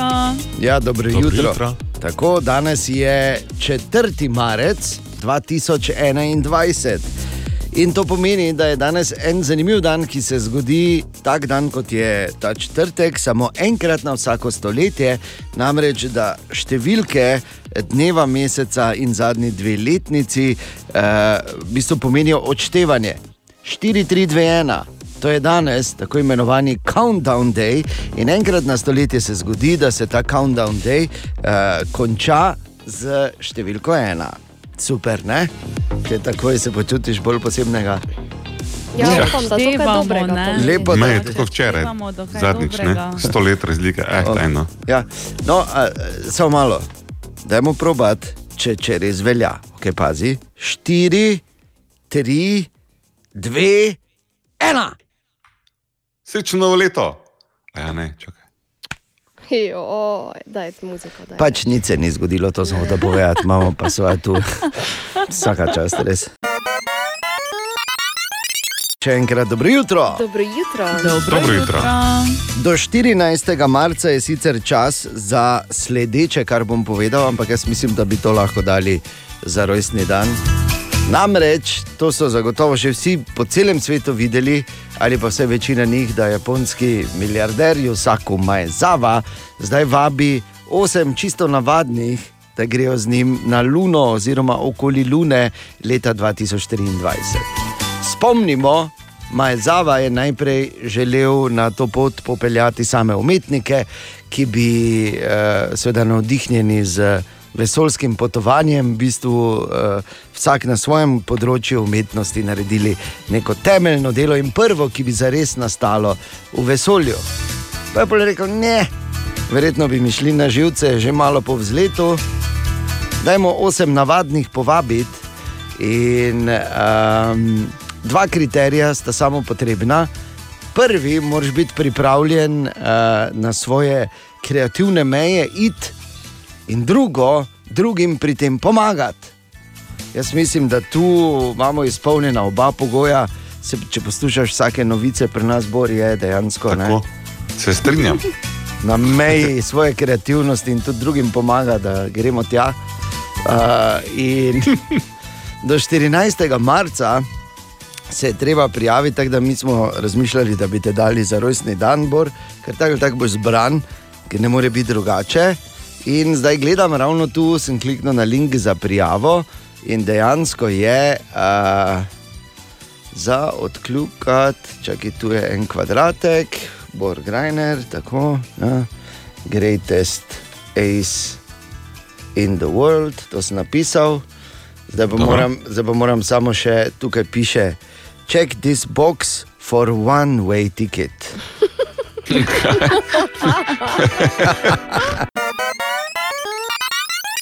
Web, web, web, web check. Pa preverimo, kaj se zunaj piše. Katja, izvoli. Ponovno je pod narekovaji udarila nekdanja žena Fila Collinsa in sicer potem, ko je januarja eh, na dražbi. Na dražbo dala filove zlate plošče in pa nagrade, pa s tem zaslužila skoraj 2 milijona. Lepo. Je zdaj ponovno šla Prodala na njega. dražbo. Ne, to, to ne. Ampak bo pa na, dražbo, na dražbi prodajala zaruč, zaročni prstan, nekatere od 5000 od 5000 parov čevljev. Lepo. In pa Kolinsovo priznanje za album Testify. Dobro, ne? Tako pač je, veš. Zdaj pa, če ne bi bil Phil Collins, bi si lahko na teh 5000 parov šuhov nekam vtaknila. Zdaj pa pač Ma še bo nekaj ne. denar naredila. Ne? Najstarejša znana divja ptica, ki so jo poimenovali Wisdom, torej modrost, stara je okrog 70 let, eh, je znova postala oziroma zvalila mladiča. Kam gre? Malica je znova postala. Kam gre ta tehnologija? Tudi, tudi stare valijo. Pa daj. Modni kos, brez katerega ne bo šlo to pomlad, so prešiti brez rokavniki. Pa to ti pravim. To so ti malo šuškavi. Ja, ja. Prešiti, Daljši. ne pastirski bor, ker bo že začel sezono. Čakaj malo, kaj s pastirskimi narobe, za naenkrat že Bor je so topli. včeraj na sestanku imel na sebi pastirski ja? brezrokovnik. Tako, Vedno, ko ga kosti bolijo, si to obleče, Tako. da duhovi potegne, njegovih prednikov potegnejo ven vso zlo. ki Glej, se je vse ste si nakopičila. zapomnili, ne, zdaj pa mi z nekimi prešitimi to je tako Ne, bizaren bil. Okay. ja, Katja, kaj Moj- še imaš, če se srečni v čobanski- redu je, Bor? Verjetno. generacija Z ponovno hara, torej to so tisti pore, rojeni po letu 1995. Ja. Zdaj si iz glasbene scene želijo odstraniti Eminema. Zakaj? Mini gibanje se je pojavilo na TikToku in eh, pravijo, da besedila njegovih pesmi so uničila njihovo otroštvo.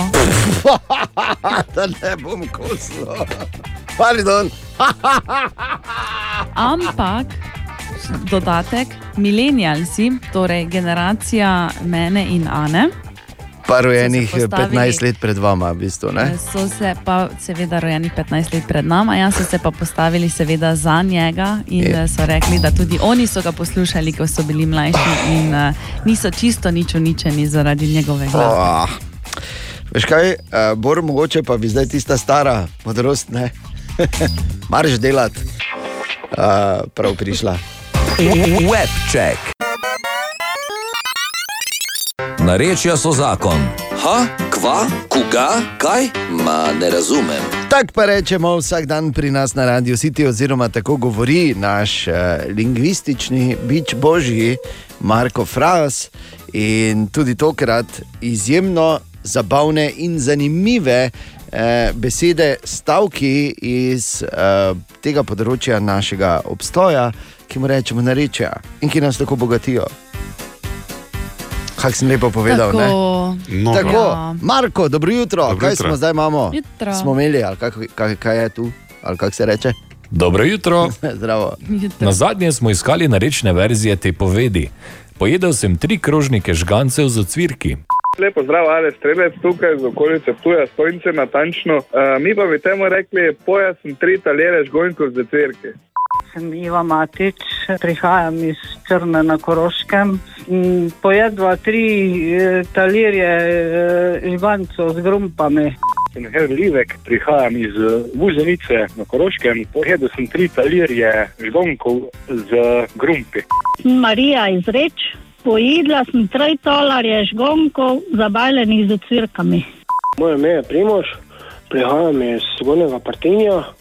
Pri nas pa bi to zvenelo tako, to ta poved. Pojel sem tri tolare žganikov z mlekom, pa zabeljeno z cvirkami.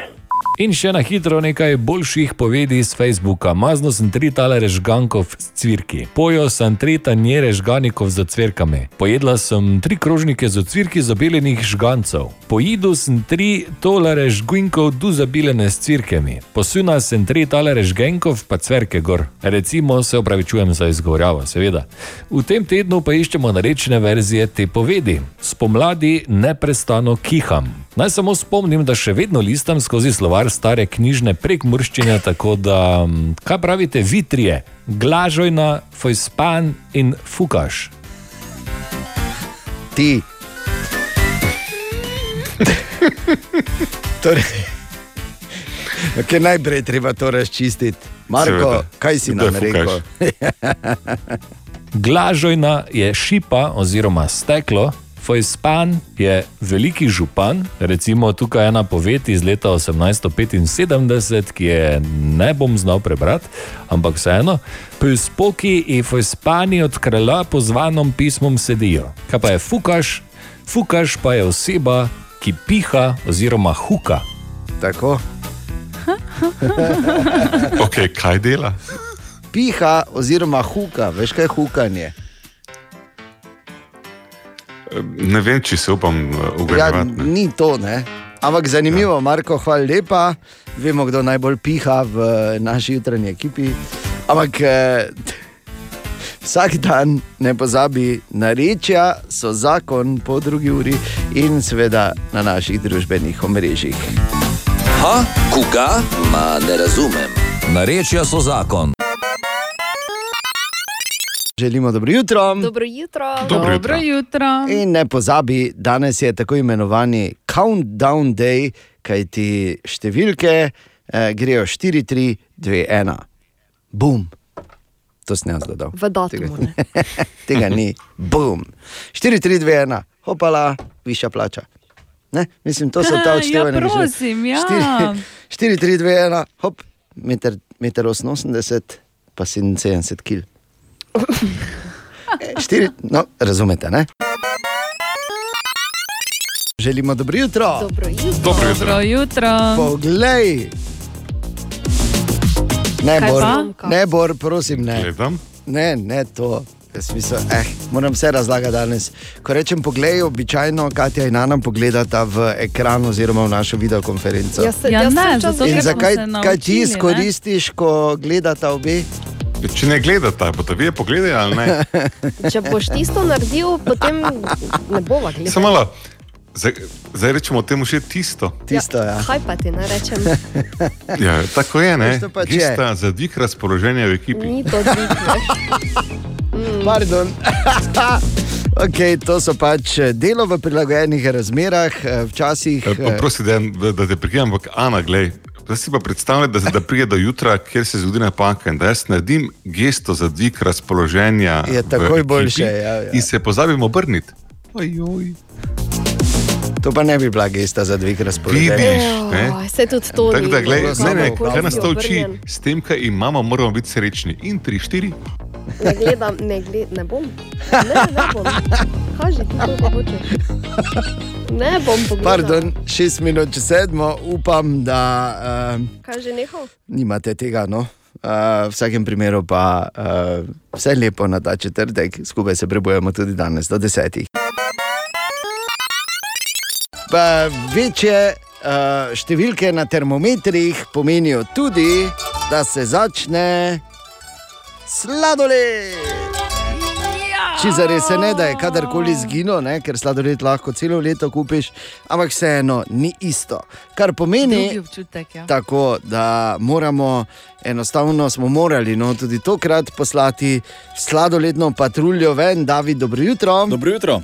Torej, kako je stanje glede sladoleda trenutno v našem mestu? Eh, Z eno besedo, v bistvu okusno. Včeraj sem šel malo okoli, naredil torej sladoled report in posod so mi dali malo za probat, kot se spodobi v naših koncih, razen na moji prvi postaji na trgu Revolucije nisem dobil kepice, to pa zato, ker se tam prenavlja oziroma popolnoma prenavlja slašičarna lastovka.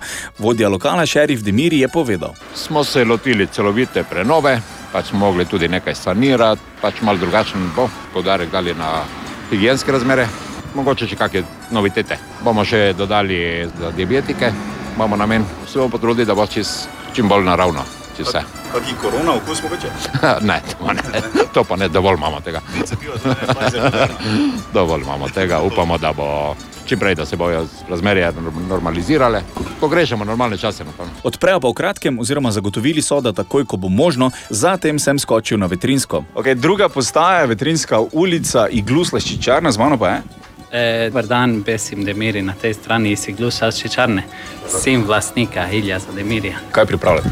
E, Za letos še pripravljamo nove okuse, tako da trenutno imamo vse take, e, kak smo imeli prejšnje leto. Zdaj, ko bo malo boljše, boljše vreme, bomo dali neke sveže sadne okuse za bolj tople dni, tako da bo nekaj novega zihra. Sigurno. Zdaj ste odprti že 14 dni približno, ne, kaj najbolj gre letos? E, najbolj pa gre cookies, sneakers, čokolada, vanilja, to je standard, klasika. In potem še 150 metrov naprej na slovensko. Dobro, naslednja postaja je slaščičarna Ilih, z mano gospa Mira. Zdravo. Radi bi razširili nabor eh, mlečnih okusov, naprimer sahar. Sahar okus bi lahko bil, pa rum punč, torej malega, ta je zaželjen, potem smo dodali že stračatelo. Banane nikoli ne bomo spustili, ker si jo ljudje zelo želijo. Eh, Med eh, kava, kava, kava, kapučino, med sadnimi bomo prav gotovo dodali limono. Imeli bomo tudi veganske sladolede, mlečne in eh, sadne. In specialnost teh naših veganskih mlečnih sladoledov je ta, da so resnično narejeni na vodni bazi, da lahko komod pridejo. Jaz osebno pa bi pohvalil rše, ki ga ravno kar jem.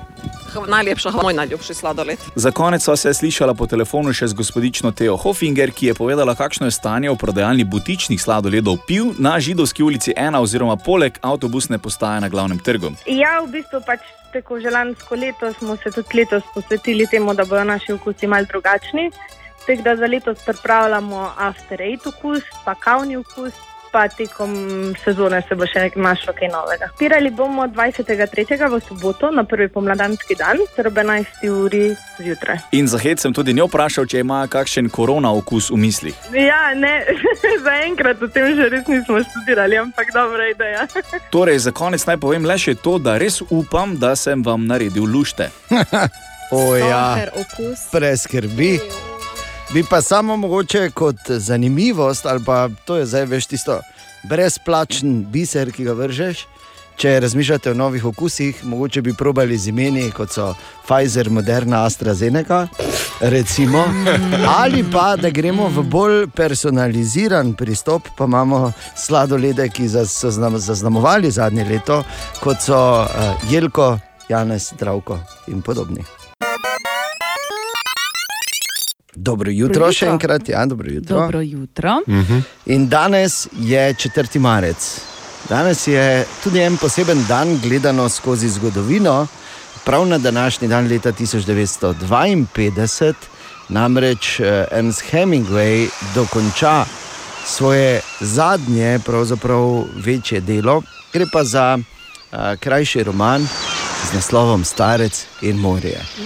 Leta 1952 In sama sreča, v bistvu, da se je takrat na začetku 50-ih, da je bil takrat Hemingway na Murterju, da je lahko gledal starega Santiago Grajnerja, kak je. Da je celo zgodbo v bistvu opazoval. Santiago, Greiner. Um, z In Bogom lepo je. orožje, komu zvonim. Številna dobra dela je napisal, bom zdaj rekel, da je inspiracija bila točno na to, kar kolega omenja, ne? Ampak tudi ne bom zanikal. Starec in morje je definitivno uh, delo, ki Se strinjam. eno od teh. Ker da. človek ni narejen za poraz, človek je lahko uničen, a ne poražen. Bravo, res je. In ti lahko dobiš veliko ribo, samo do obale ti jo bojo že požrli. Dobro jutro. Dobro jutro. Dobro jutro.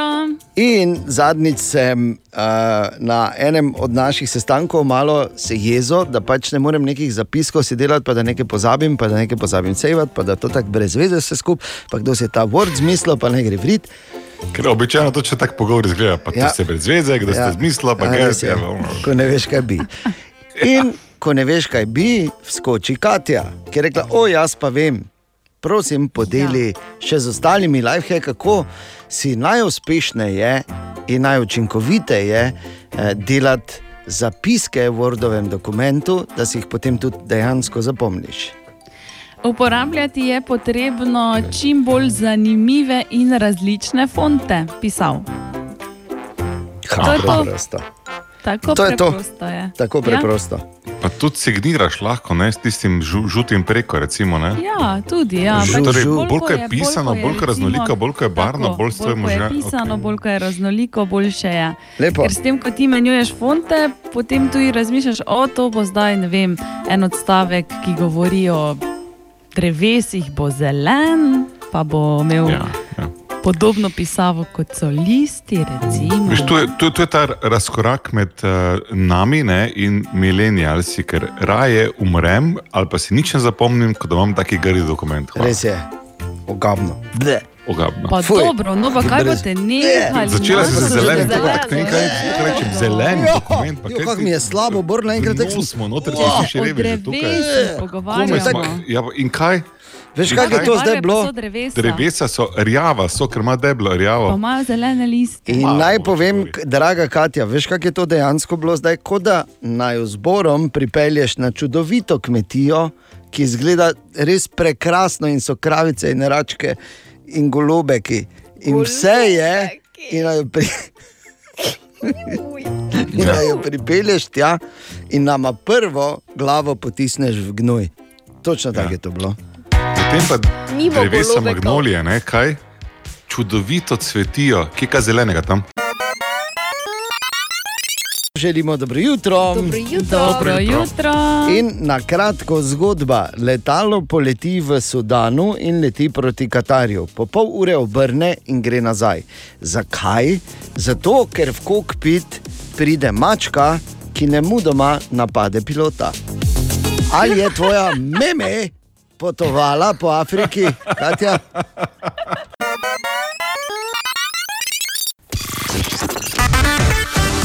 Vprašanje za aha efekt danes zjutraj, Katja. Imamo Ustavi se. vprašanje- Ne, ne, ne. Ti ne prej je okej. tako zanimivo debato načel, da jaz imam uh, samo aha efekt danes ali avto aha efekt danes. Resno? Zakaj imamo brado? Ker že zadnjih pet minut tukaj premetavam levo in desno in konfliktne okay. teorije se bom rekel, zakaj imamo Lepo. brado. Lepa Bor intervencija. sprašuje Bor. Bora, če Bor, ja, Bor, zakaj imamo brado? Hvala Bor za vprašanje, bom odgovoril. Hvala Bor tebi. Ne, Bor, hvala tebi. Kak si ti lep, Bor, ne, Kako ti si lep, Bor. hvali. Kak si ti visok in šarmanten, Bor. Uh, Hvala, in Bor. kako si ti lepo, proporcionalno izpopolnjen, Bor. Ha, Uh, nismo končali no. še? si rekel, da sem debeli pravkar? Glej, razumeš, kaj Ne. razumeš. Slabih 15 minut pred 8, torej zelo zanimivo vprašanje za H-efekt, ki ga je danes zjutraj Boru zastavil Bor. In mislim, če to ni dovolj, ni kliničen dokaz, je pa dokaz, če me razumete. Aha, aha, aha, aha, aha, aha, aha efekt. Torej, v H-efektu je Bor vprašal Bora danes, ali je res, da, ima, da so ljudje edini sesalci, ki imajo brado kot kost. Ampak, uh, roko na srce, tukaj Tine, to je potrebno dati tudi nekaj zaslug, ker je on, Lord Tine, prenesel to zgodbo v Res današnje jutro. res je res. In kaj smo ugotovili na hitro, njeno visočanstvo brada je najbolj človeška med vsemi lastnostmi. Ker gledite, tudi veliki možgani, Neandertalci so imeli večje možgane, kje pa so zdaj? No, to bomo To, v bistvu, Bor, to je slaba, v bistvu, ker kaj je Homo sapiens sapiens naredil genocid enega od največjih in prvih v zgodovini. Dobro, to je bolj šlo za eno integracijo, ki je bila fest nasilna, ampak to ni za zgodba. To je, Ja, to je to je dejansko šlo. zgodba o bradi, ki je izjemno zanimiva, ker je res absolutno najbolj odločilna človekova lastnost napram ostalim uh, živalim, telesno gledano. Tako da teorije, zakaj imamo brado, so številne, dve najbolj zanimivi. Gre sta tako, da brada je tukaj, da nam ojača ta predel čeljusti, zato ker nenehno žvekamo tako Aha. hrano, kot Dobro. tudi govorimo. In smo morali ojačati ta del uh, tukaj, ne, ker eh, pač ta stres, ki je nenehen, privede pri kosti do mikrorazpok, te do in tako dalje. Tako dalje ne. Tako da brada ne bi bila samo um, dodatni branik te kosti, da nam bolje služi. B teorija, ki je tudi zanimiva, pa je ta, ne, da je vrat izjemno ranljiv predel pri človeku. In da se je brada oblikovala, da dodatno malo zaščiti ta nežni predel, tako da ne, ko sovražnik pride in krene tako na tvojo brado, eh, vrat ne, dobi brado. Lepo. Ja, ne? Jaz bi samo rekel, da fino je pa brada tudi tu zato, da lahko, uh, veš, če je fajn klukneš, nekdo hitro zaaja. Ali tudi vi pogosto totavate v temi? Aha efekt, da boste vedeli več. Katja, Ana, Borin, Dejan, želimo dobro jutro. Dobro jutro. Dobro jutro. Naj Dobro povem, jutro. da zavračam kakršna koli namigovanja na temo tretjega vala.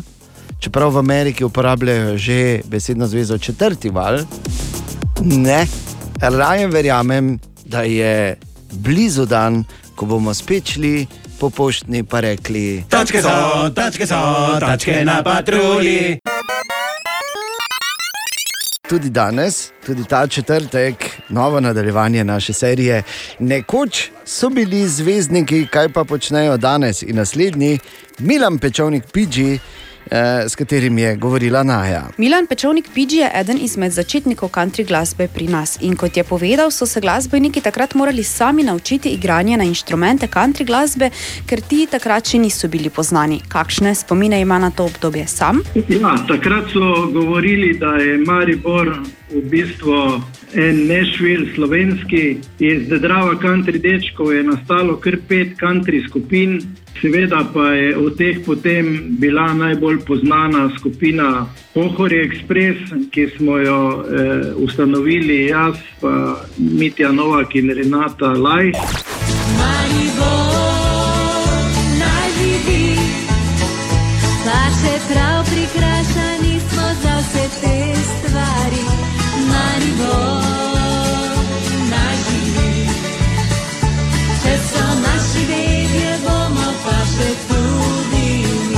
Jaz sem s to skupino igral potem ene štiri leta, potem smo se zaradi pogledov na country glasbo pač eh, nekako rašli. Jaz sem bil bolj za to, da pojemo pesmi v slovenščini, oni bolj v angleščini. In tako sem potem šel leta 1989 na samostojno pot, in od takrat pa do danes, to je zdaj pa že kar čez 40 let, se pravi, se ukvarjam z to zvrstjo glasbe. Ko se spustim, izgleda kot bi jezdil rodeo. Moj beli uranec so smuči, ki me peljejo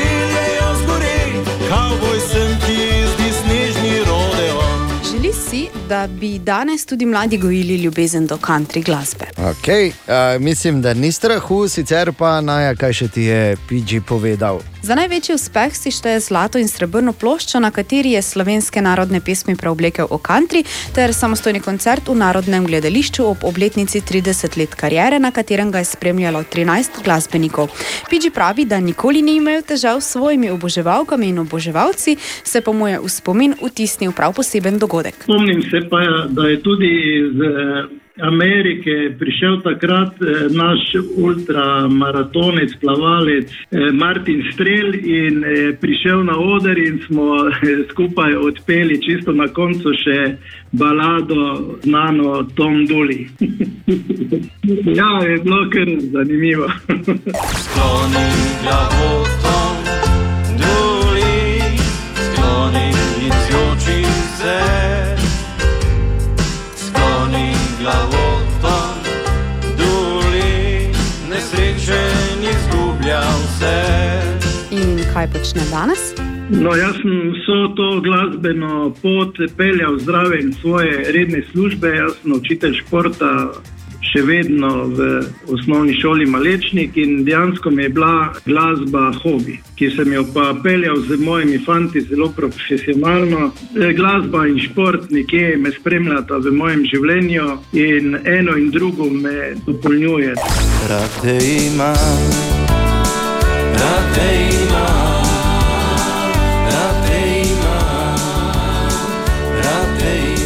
Nikoli si pa nisem mislil, ko se je končevala moja smučarska karijera, da bom zdaj v življenju naredil 11 CD plošč, 27 videospotov in da bom igral sploh country glasbo, ker kitaro sem se začel učiti pri 18 letih kot samouk.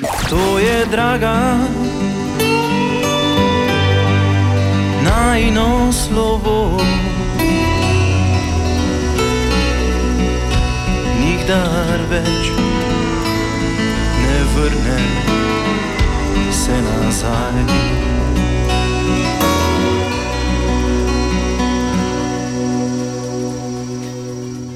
Tja, evo ga, Milan Pečovnik, PG, se ga spomnimo. Ne?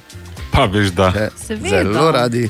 Mimo grede, uh, on, je, on je res bil nekoč izvrsten smočar, bil tudi tretji ob koncu 70-ih na državnem prvenstvu smuku v takratni Jugoslaviji. In pa potem v tej uh, športni smočarski reprezentanci zelo uspešen.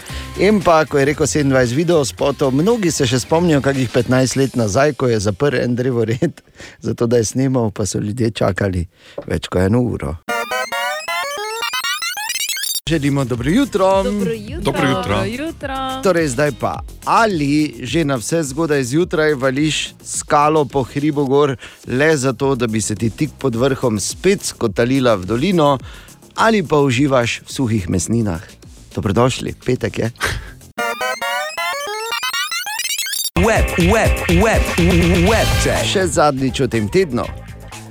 Dobro jutro. Katja, izvoli, ja, dobro jutro. Tako imenovana slavna ječa, v kateri naj bi zaradi svoje spolne orientiranosti dve leti preživel Oscar Wilde, Ja. je že od eh, ponedeljka naprej okrašena z novim grafitom zapornika, ki se po vrvi iz krpic spušča iz uh, zapora. Torej. Ja. Vrv pa se na koncu v bistvu spremeni v pisalni stroj. Ja, izjemno. je avtor. Ja, Banksy, kdo pa drugi. Ne? Ja, seveda, zdaj je potrjeno. A, Banks je je, je na že? svoj Instagram profil objavil video, um, v katerem lahko vidimo, kako v bistvu on ustvarja to umetnino. Ja, vrhunsko. Banksy je pravzaprav moj najljubši vizualni umetnik. Ali Ja, umetniki, ne vemo, ali je ena ali je to cela skupina, ne ve se Mogoče prav. je Ne. ženska, veš? Pa ja, kakorkoli, se nisem o spolu govoril, kaj sem govoril o spolu. Ja, no, ne, No. Je pa res, da če pride mimo, ne, pa tvojo steno spremeni, mislim, poriše z grafitom, je potem kar naenkrat to vredno. Je tvoja hiša vredna malo več. Ne? Ogromno več. Ja. Ja, Samo malo, to ni oni zelenimi srčki, ne? ker Ne, ni, ni.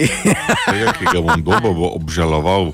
Ker dva stane, tako riše zelene srčke, pa tako piše Dunlik.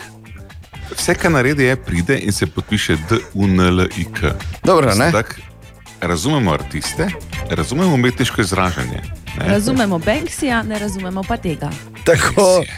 In Banksy, če prideš v Fram, me pokliči prej, da ti povem, ki. Okay. WhatsApp naj bi bil počasi na voljo tudi na naših računalnikih, kot je eno orodje za upravljanje videoklicev. Seveda, zdaj trenutno poteka še dogovarjanje Komaj z čakam. ostalimi uh, orodji, ki seveda to omogočajo. Potem, recimo, še ena iz tehničnih voda. Eh, Na Google Mapsih bodo imeli, oziroma bodo omogočili tudi Dark Mode. Lepo, super. Zelo smo veseli, tudi, da je recimo princ Filip bil uspešno operiran na srcu. Princ Filip na srcu, Ja. te pa mu Ja. ni mogla dati unčo svoje krvi, ki zdravi vse in omogoča nesmrtnost. Pa daj, Stari netopir. Pa je pomaga tudi, če gvano spusti na tebe. okay, okay, okay. Webček. Želimo dobro jutro. Dobro jutro. Dobro jutro. Dobro jutro. Ja, v ponedeljek v dveh statističnih regijah odpirajo terase lokalov. Kak smo mi tu skozi padli, ne vem, ampak če že, ne polje prav, da odpreš tam, kjer imajo največ izkušenj, ne? kjer imajo to najraje načeloma in kjer domujejo profesionalci. Ne bi bilo to Saj logično. Mogoče pa zato, A mogoče pa zato, ravno ja. zato niso. Ja. Ker bi bili predobri, ne? že takoj na začetku. Ne, ampak če za res, uh, to je zagotovo bilo vprašanje, s katerim je bilo treba iti na ulico, vprašati malo občanke eh, in občane, in to je naredil včeraj David. In vprašal sem jih, ali menijo, da bi morali tudi pri nas odpreti gostinske lokale oziroma njihove vrtove terase, in pa kaj bi najprej naročili, če bi se lahko po domače povedano dol vsedli. Zagotovo, če se odpirajo drugot po Sloveniji, bi tu tudi bilo dobro, ja, da se odprejo. V Hrastnik se zdaj ne bi vozil, ne, na kafe eh, ali pa na kaj druga. Ne. Kam, drugam smo se, kam drugam smo se pa tako vedno peljali, tudi v času, ko se nisi smel. Vsekakor bi mogli tudi tukaj. Kaj bi si prvo naročila limonado, sicer, ker pijem mačo, ne kavo.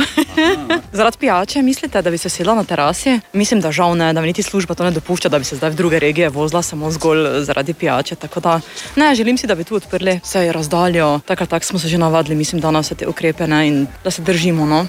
Jaz sem tudi zato, da bi se, se pravi, gostinski lokali eh, odpirali gor, zaradi tega, ker marsikdo je izgubil službo, zaradi tega, da marsikdo se sploh ne bo odpiral, da bi se moglo zaradi pač gospodarstva, če ne po drugi strani. Kaj bi si jaz prvo naročila, verjetno kaj alkoholnega, če bi bilo dovoljeno.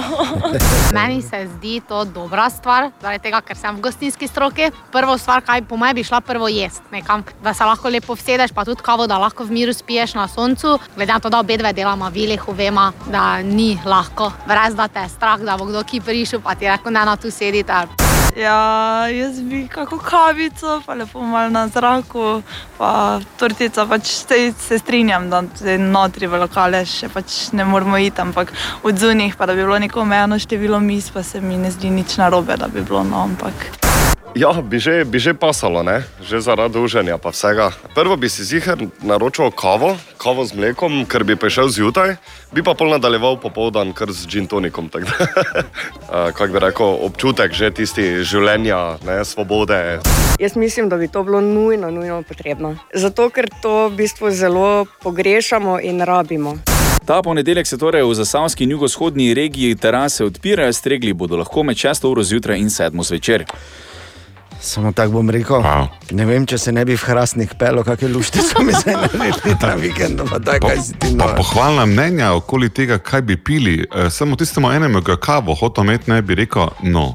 Ne, se irska je rekel. Kava, ne? E, Ne, rekel je, da bi najprej kavo, ampak pol pa hitro džin. dobro, no. Ampak irska kava. Dajmo bo, ne. Ja. Upam, da kmalo torej tudi pri nas, se zdaj bo tako malo slabše vreme, tako da bomo še te počakali. In danes je petek, kak smo? Skoraj ne mogoče smo. Ja. Zaslišimo to podlago. Ne? Je čist drugo, ne? Tako veselje preplavi obraze in telesa. Ja. Začnete se pajtlati od sreče. Kaj vi ste hteli brez mene začeti slučajno? Ne, ne, brez krvi. Skoraj nemogoče vprašanje tudi danes, ko je vprašanje veliko bolj spektakularno od odgovora ali pač.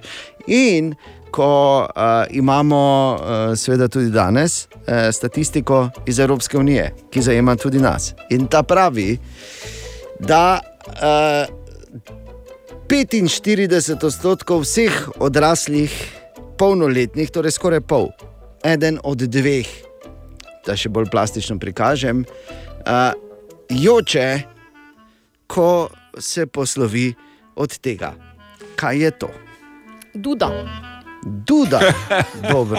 A ja, starejši od 18. Vredo je, imaš take tudi, ko imajo te velike dude. Veš, ko so jih včasih, Od avta. ko so včasih na oslo, trenutek govorim, ko so osli imeli tiste velike dude. Pardon. Doli. Ana je rekla 45 odstotkov, ne, najprej Katja, ti si rekla oblačilo. Ne, Ana je rekla, da eden od dveh v Evropski uniji joče, ko se poslovi od avta. Ana, to pa je absolutno res. Hvala lepa. In spet. Jokala bom tudi jaz. Samo Dominika. Pohitela sem pa z odgovorom, ker kavo kuham, pa se mi malo mudi. Ja, nima, nima časa za. Ne, da bi se igračkala z vama. Ja, Ja. Tu je hitro, Ni, evo. čas je denar. Kraljica iz Tezna, oziroma Tezenska princesa, je udarila again. spet. Tako, Ana Lakota, čestitke, zmaga je tvoja tokrat. Zdaj grem kavico narediti. veš. Tako, šampionka se vrača za nagrado, pa lahko skuha kavo. Kaj hočeš lepšega v življenju? Torej. In ne pozabi, ko bosta dva in se bosta pogovarjala na primerni razdalji, seveda, se eden od vaju joče, ko se poslovi od svojega starega avta. Včeraj, denimo, je bil četrtek. 4. marec, za marsikoga čisto navaden četrtek, nič posebnega, pač kot so četrtki, ko je korona. A ne za našega borčija. Spomnimo, tako je včeraj povedal. Osebna izkaznica ček, labelo, denarnica, maska ček, če je rezervna maska, ker nikoli ne veš, tudi ček, vabilo na ustno obravnavo na upravni noti Maribor, 2A4 lista speta z malo sponko, tudi ček.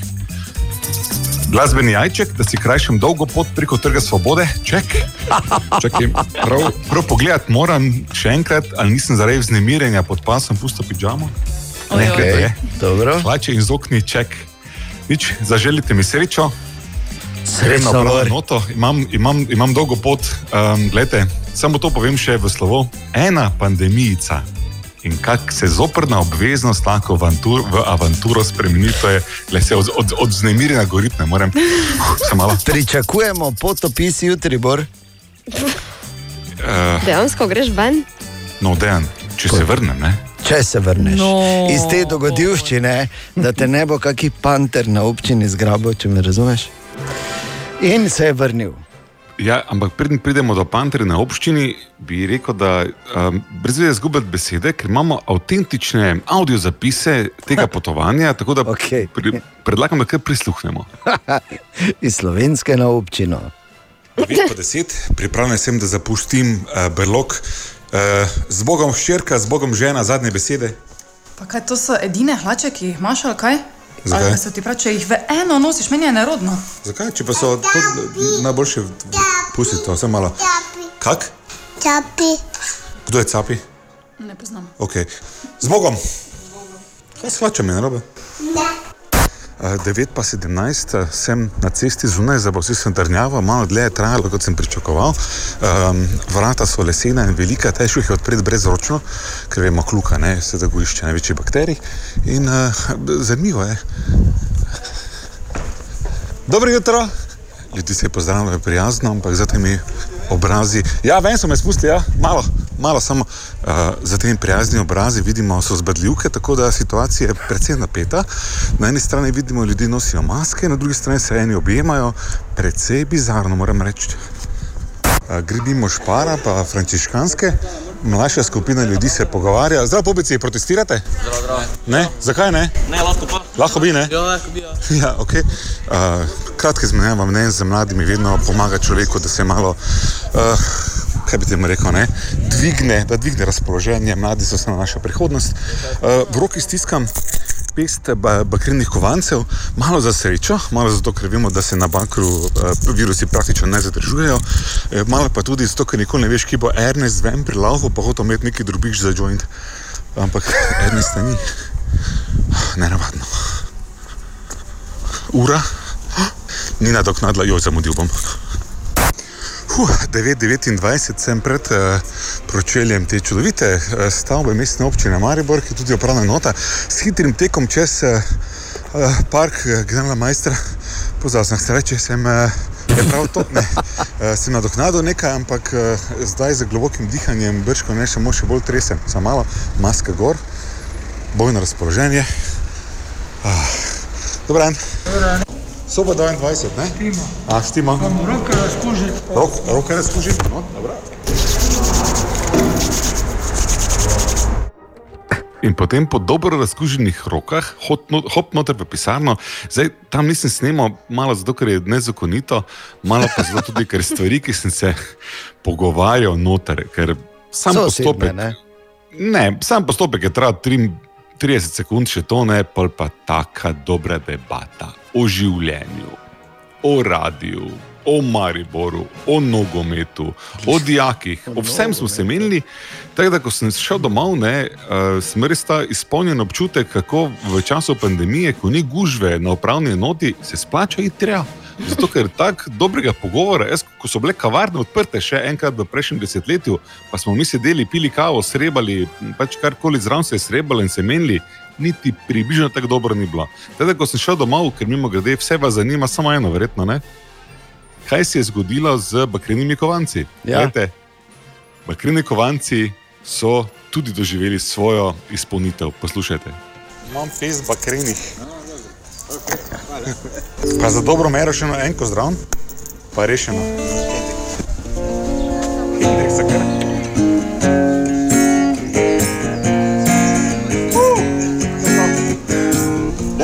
Sadenovo Joker to iz-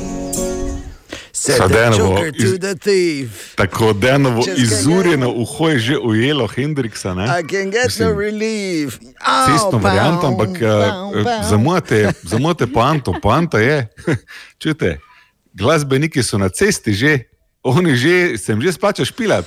Kar Glejte, pomeni, svoboda je, ja. za ovinkom. Ja? In, in ti si izjemno naložil svoj denar, čestitam, bo res. Bravo. Imaš občutek, imaš. Dobra, mali in stari. Podcast jutranje ekipe.